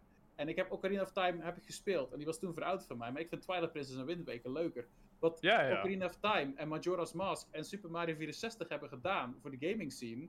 Ja, dat kan je niet ontkennen. Die games hebben zoveel gedaan voor het genre waarin zij zijn uitgebracht. Ja, Maar maar... ik vind Super Mario 64 ook geen goede game meer. Nee, Omdat ja... het te veel verouderd is voor mij. ja, Nee, dat maar we, vallen, Maar dat- maar, nee, maar we, vallen nu, we gaan nu in herhaling Ja. dus laten we deze discussie even afsluiten. Maar het komt er gewoon kort op neer dat het, ja, de, de tijdspanne is gewoon heel... heel de, Het is heel maar dat kort. hebben we, maar ik dat hebben we, al- maar dat hebben we al verteld. En ik denk gewoon dat Pokémon voor deze tijd, zoals jij zelf ook al aangeeft, Robin, het is voor deze tijd misschien wel de, de, de slechtste Pokémon game in relatie tot de tijd het waarin het is gebracht. En dat is ook wat wij aangeven. Dus Ja. dan, dan zijn we het gewoon eigenlijk met z'n drieën met elkaar eens. Pokémon-fans verdienen gewoon beter. Haal je nu je plezier uit. Mooi, tof. Ik ga er niet over oordelen. Eh, hartstikke leuk. Eh, vooral blijven doen. Eh, Ik denk als niks aan aantrekken iemand van zure vragen- mensen. Ik denk als je iemand zou vragen, van, of iemand vraagt van, hey, ik wil een leuk spel spelen, moet ik Scarlet en Violet of Xenoblade kopen? Dan zeg je Xenoblade. Ik bedoel, er zijn er Ja, dat ligt, geen eraan. enkele... Dat, nee, maar dat ligt eraan. Als iemand echt houdt van monsters vangen en die Pokémon vibe, dan zeg ik, ga Pokémon maar spelen. Met Als een kleine side note natuurlijk wel Ehm, van, yo. Ja? Robin, Niks Ja. mis mee. Zou ik ook doen. Robin, jij, jij zegt ook heel vaak tegen mij van, je, je vindt Pokémon leuk, dan, dan kan je eigenlijk beter Monster Hunter spelen. Ik snap je punt. Maar ik haal er meer lol uit de verhalen en het vangen en, en Ja, dit maar en dat is dat. precies hetzelfde voor mij, want ik, ik speel de Pokémon games net zo hard. En eh, ik ben ook een van die mensen die bij Sword and Shield zei, ik ga de volgende game niet halen. En toen kwam die open wereld. Toen dacht ik van, hé, hey, dat lijkt me best leuk. Dat ging ik spelen. Ik had er plezier in. Fantastische postgame. Area Zero was een fantastisch verhaal, denk ik, in één keer hoe het eh, eindigde. Hmm. Toen was het klaar. Toen dacht ik van, oké, prima. En toen ging ik de DLC-spelletjes van, oh, het is meer. Oh ja, leuk. En nu ben ik er eigenlijk wel weer klaar mee. Maar eh, wat wilde jij verder nog zeggen, Evelyn? eh Sword and Shield en, en Scarlet and Violet vergelijken. Ik snap het, Scarlet and Violet heeft veel meer bugs dan Sword and Shield. Sword and Shield voelt voor mij saaier en, en verhaallozer Voor mij ook. aan dan Scarlet and Violet. Scarlet and Violet voelde, zat ik echt in dat verhaal. Ondanks alle duizenden bugs, Pokémons die vastzaten in de muur, shinies die ik niet kon vangen omdat ze helemaal erg achter een muur zaten. Dat je kon zien als je inderdaad met die camera ging draaien. Maar ik, ik vond het veel leuker dat je een soort van. dat ze een probeersel hebben gemaakt om je inderdaad een open wereld te geven. Dan dat je met Sword and Shield eigenlijk één lijn moet gaan volgen. Eén stuk hebt wat wat opener is dan de rest. En de rest eigenlijk gewoon een beetje saai. En Is. iedere drie seconden met die ene dude moet praten die jou iedere keer meetrekt naar de volgende gym. Ja, hop, hop was het. hop. Oh ja, voor mij- hop voor was mij- het, ja. Voor mij, voor mij was Scarlet and Violet wel een stap in de goede richting in ieder geval. En ik hoop dat ze En- met deze Ja, twee 100%. DLC's eh, in ieder geval alvast een mooie basis kunnen bouwen voor de volgende Pokémon game. Die hopelijk wel technisch in orde is. En een beetje meer voldoet aan de standaarden van Ik- 2023 of 24. Ik denk dat daar iedereen 25. op hoopt. Ik blijf erbij. Legend Arceus is zover het beste wat ze gemaakt hebben in de richting van open wereld, Pokémon, Ja. et cetera. Ja. Hey, ja, maar ik vond Arceus ook 10.000 keer beter dan Scarlet and Violet. Dat is no contest. Ik vond ook sowieso de wereld veel interessanter, de Pokémon veel interessanter. Met verhaal. Hey, eventjes twee dingen vlug. Eh, het eerste is, wij moeten echt een keer een podcast houden over Zelda. Want de dingen die jij zegt, Robin, zijn zo interessant. Daar kunnen wij uren over discussiëren. Tuurlijk, Alleen al dat je zegt dat Twilight Princess beter is dan Ocarina of Time en Majora's Mask is voor mij al een raadsel. Dus daar zou ik Ja, heel graag met jou over willen discussiëren. Ah, misschien Ehm, is Twilight Princess wel beter dan Queen of Time. Ja, dat is, ja, dat is een leuke discussie om een keer te is, voeren. eh, Ehm, ja? mag ik daar even op antwoorden? Ik heb Ocarina of Time heb ik tot en met eh, Light Temple gespeeld, geloof ik. Of ja, Light denk ik. Dat kan Lang niet. geleden. En Majora's Mask heb ik nooit aangeraakt, dus daar kan ik niks over zeggen. Een Light Temple in Ocarina of Time? Light? Er is een Light Temple, toch of niet? Ja, of je bedoelt misschien de de Spirit Mirror Temple. Shield? Spirit Oh, dat is Temple. de Spirit Temple, ja. Oké. Ja, maar Cool, ik cool. dacht dan dat er een Light Temple is, dat je met de mirror, zeg maar. Ja, ja, oké, cool. Oké. Eh, nou, leuk. eh, ik denk dat het wel leuk is om een keer om over te discussiëren. Maar het tweede ding is, we moeten natuurlijk nog één ding meer bespreken wat heel veel met Pokémon te maken heeft en wat eh, ook wel interessant is. Want Pokémon gaat binnenkort mee naar het Van Gogh Museum. En dat is wel heftig. Pikachu gaat met één oor schilderen. Oh, Pikachu's oor wordt afgehakt. Sephora die ik, belanden eh, opeens in de bloemetjes. Zoals ik eerder zei, eh, het past goed samen, want de Pokémon Company kan ook heel goed een oor aanhaaien, dus ja. Oh. Nee, Maar ik... ik, eh, ik ben wel benieuwd, eh, want zover hebben we eigenlijk alleen het schilderij gezien met Sunflora, mhm. die dan tussen de bloemen staat. En we zagen Pikachu en Eevee rennen in dat, ehm, in dat soort granenveld, wat Van Gogh ook inderdaad geschilderd heeft. En wat gaan we allemaal zien, het-? Wat gaan we zien?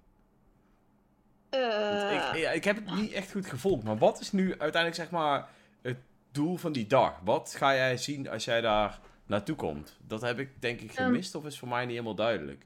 Bij het Van Gogh Museum hebben ze natuurlijk eh, inderdaad dus de standaard expositie van de Van Gogh schilderijen. Maar ze hebben ook eh, dat ze kleinere exposities ertussen hebben staan.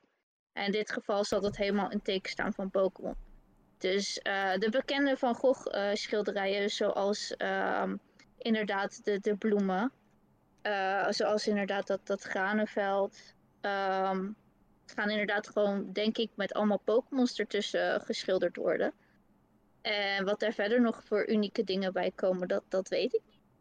Ik geloof dat het helemaal niet is bekendgemaakt officieel. Ik geloof dat ze nog steeds... Nee, en, en daarom vind ik ik- het zo grappig, want volgens mij gaan de kaartjes best wel hard. Ehm, ja. Er gaan en natuurlijk dus ook wel gaan- wat geruchten rond over een kaart die daar misschien eh, te krijgen is als je er naartoe gaat. Maar is dat dan ook de reden dat iedereen die kaartjes koopt? Of, want voor mij is gewoon niet Ehm. helemaal duidelijk wat nou het doel is van die dag. En wat je dan nou te zien gaat krijgen als Pokémon-fan. Momenteel wel. Ehm, er is toevallig ook een kaart geweest eh, uit een set van eh Evolving Skies. Met Umbreon erin.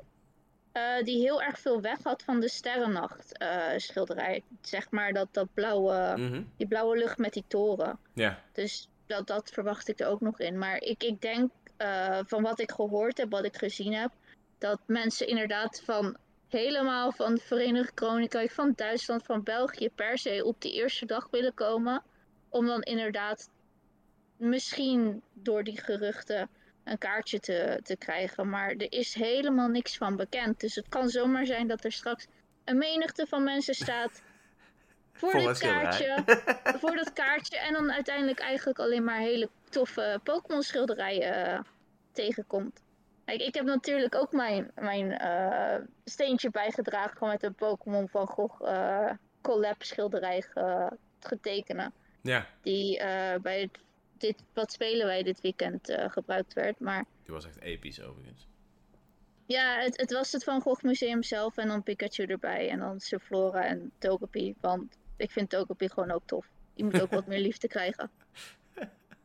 Ja, maar het is zo, Togepi moet meer liefde krijgen, put.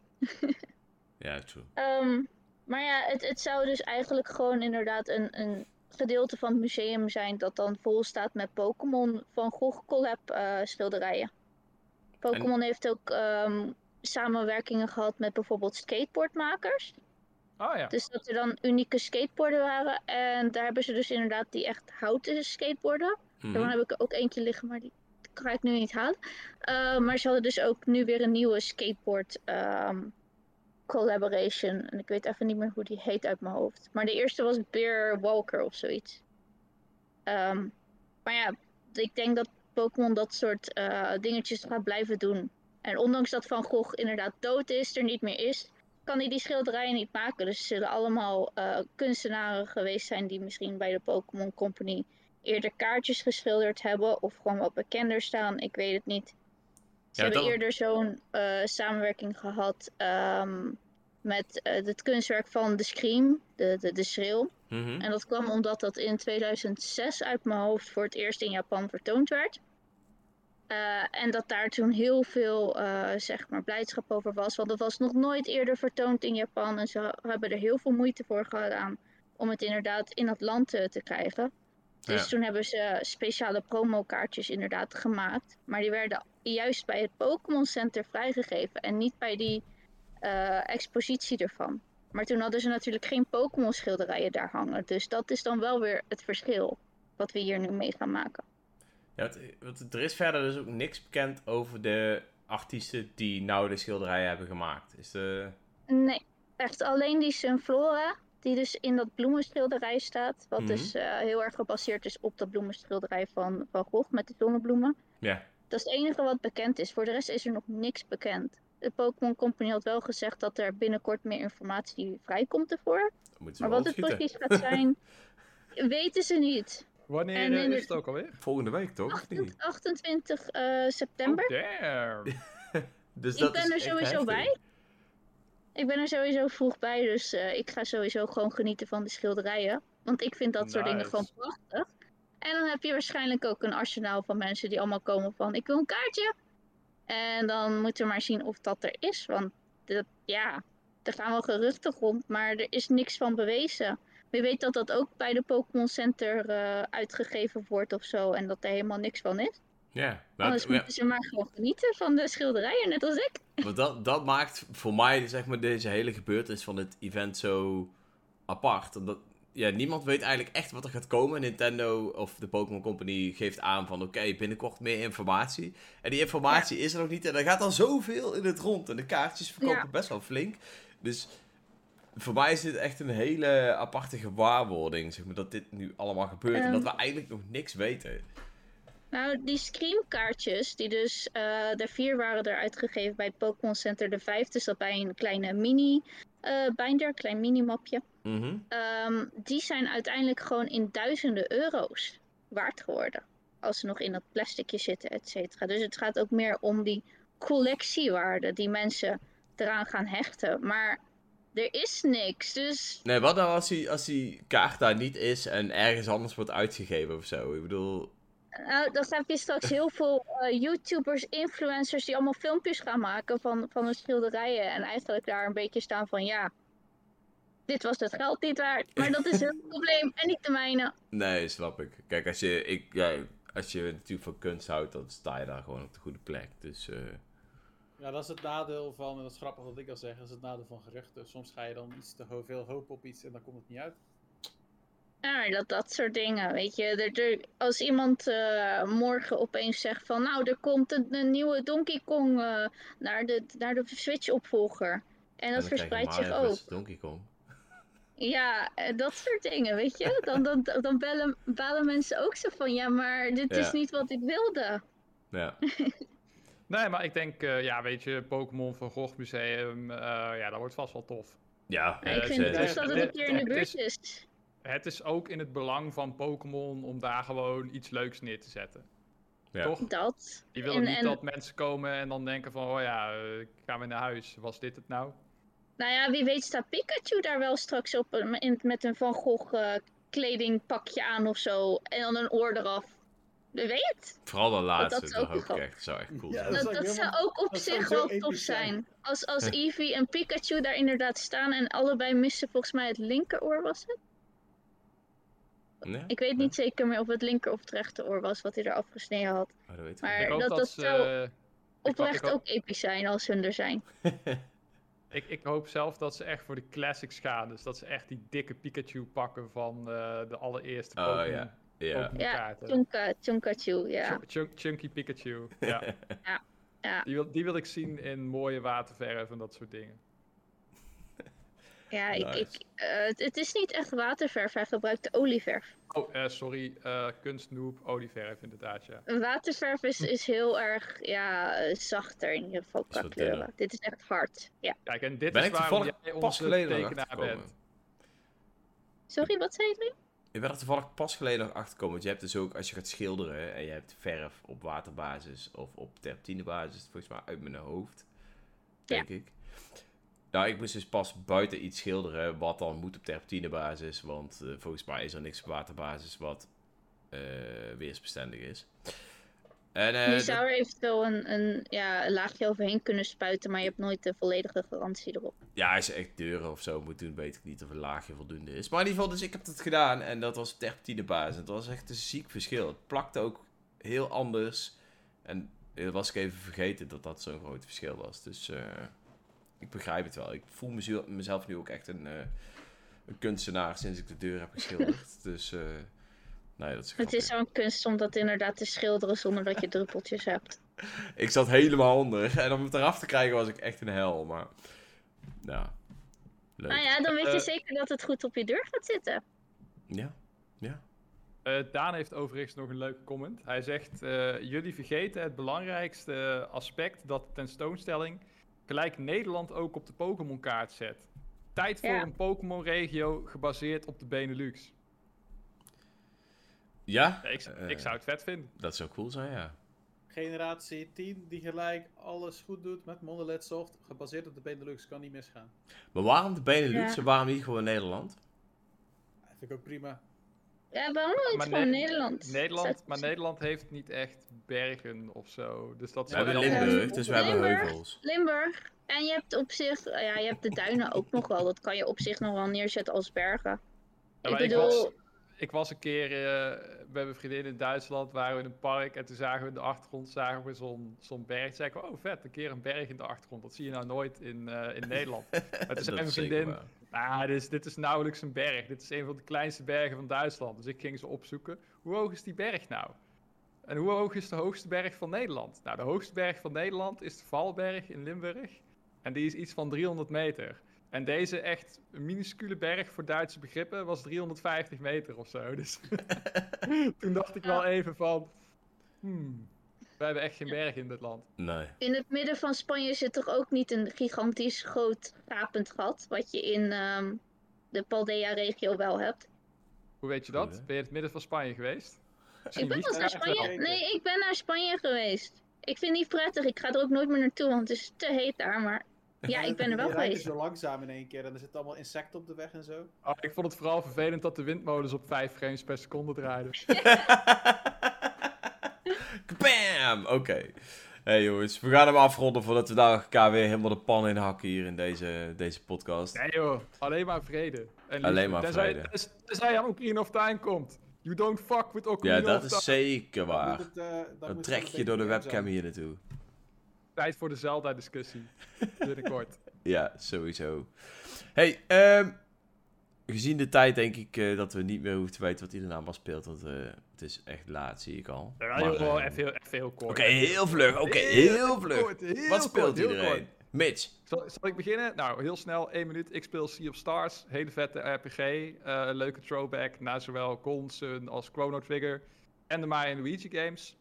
En voegt ook echt wel wat quality of life dingetjes en nieuwe, nieuwigheden toe. Waardoor het ook echt wel eh, als, een, eh, ja, als een moderne game aanvoelt. Dus eh, verwacht daarvan binnenkort de review op n1up.nl. Boom. Door naar Evelyn. Wat Ik speel op het moment Stardew Valley. En ik ben inmiddels eh, eindelijk bijna klaar met mijn community center. Episch.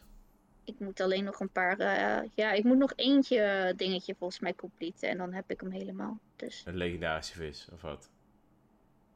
eh, ik moet nog de, de, de legendarische. Volgens mij die, die wizard dingetje. De rest heb ik allemaal. Nice. Epische game. Ga het spelen, zou ik zeggen tegen de rest. Ja, ik Robin! heb ook een kip Oh. Dreon en Mitch. En, eh, ja, Dreon, Mitch, Robin en Kitty heb ik nu. Als kip. Ja. Nice. Ah, nice. Episch. Ehm, ik speel eh, momenteel eh, eh, Sea of Stars. En ik ben net dan klaar met Tealmaster natuurlijk. En F-Zero. Dus eigenlijk een beetje wat ik momenteel doe. Dus ik ga Sea of Stars ga ik... zeer binnenkort afronden. Ik heb nog twee, geloof ik, zijmissies te doen. En dan ga ik het spel, de eindbaas, vermoedelijke eindbaas, ga ik doen. En dan denk ik dat ik weer verder ga met Fire Emblem Engage. Die moet ik ook nog uitspelen. Dus dat is een beetje wat ik aan het doen ben. Nice. Ja, ik eh, ben nog steeds bezig met Persona 5 Royal. maar ik ben, ik ben wel echt bijna klaar. Ik ben de laatste pallets aan het doen en die doe ik nu in één run eigenlijk eh, om te finishen.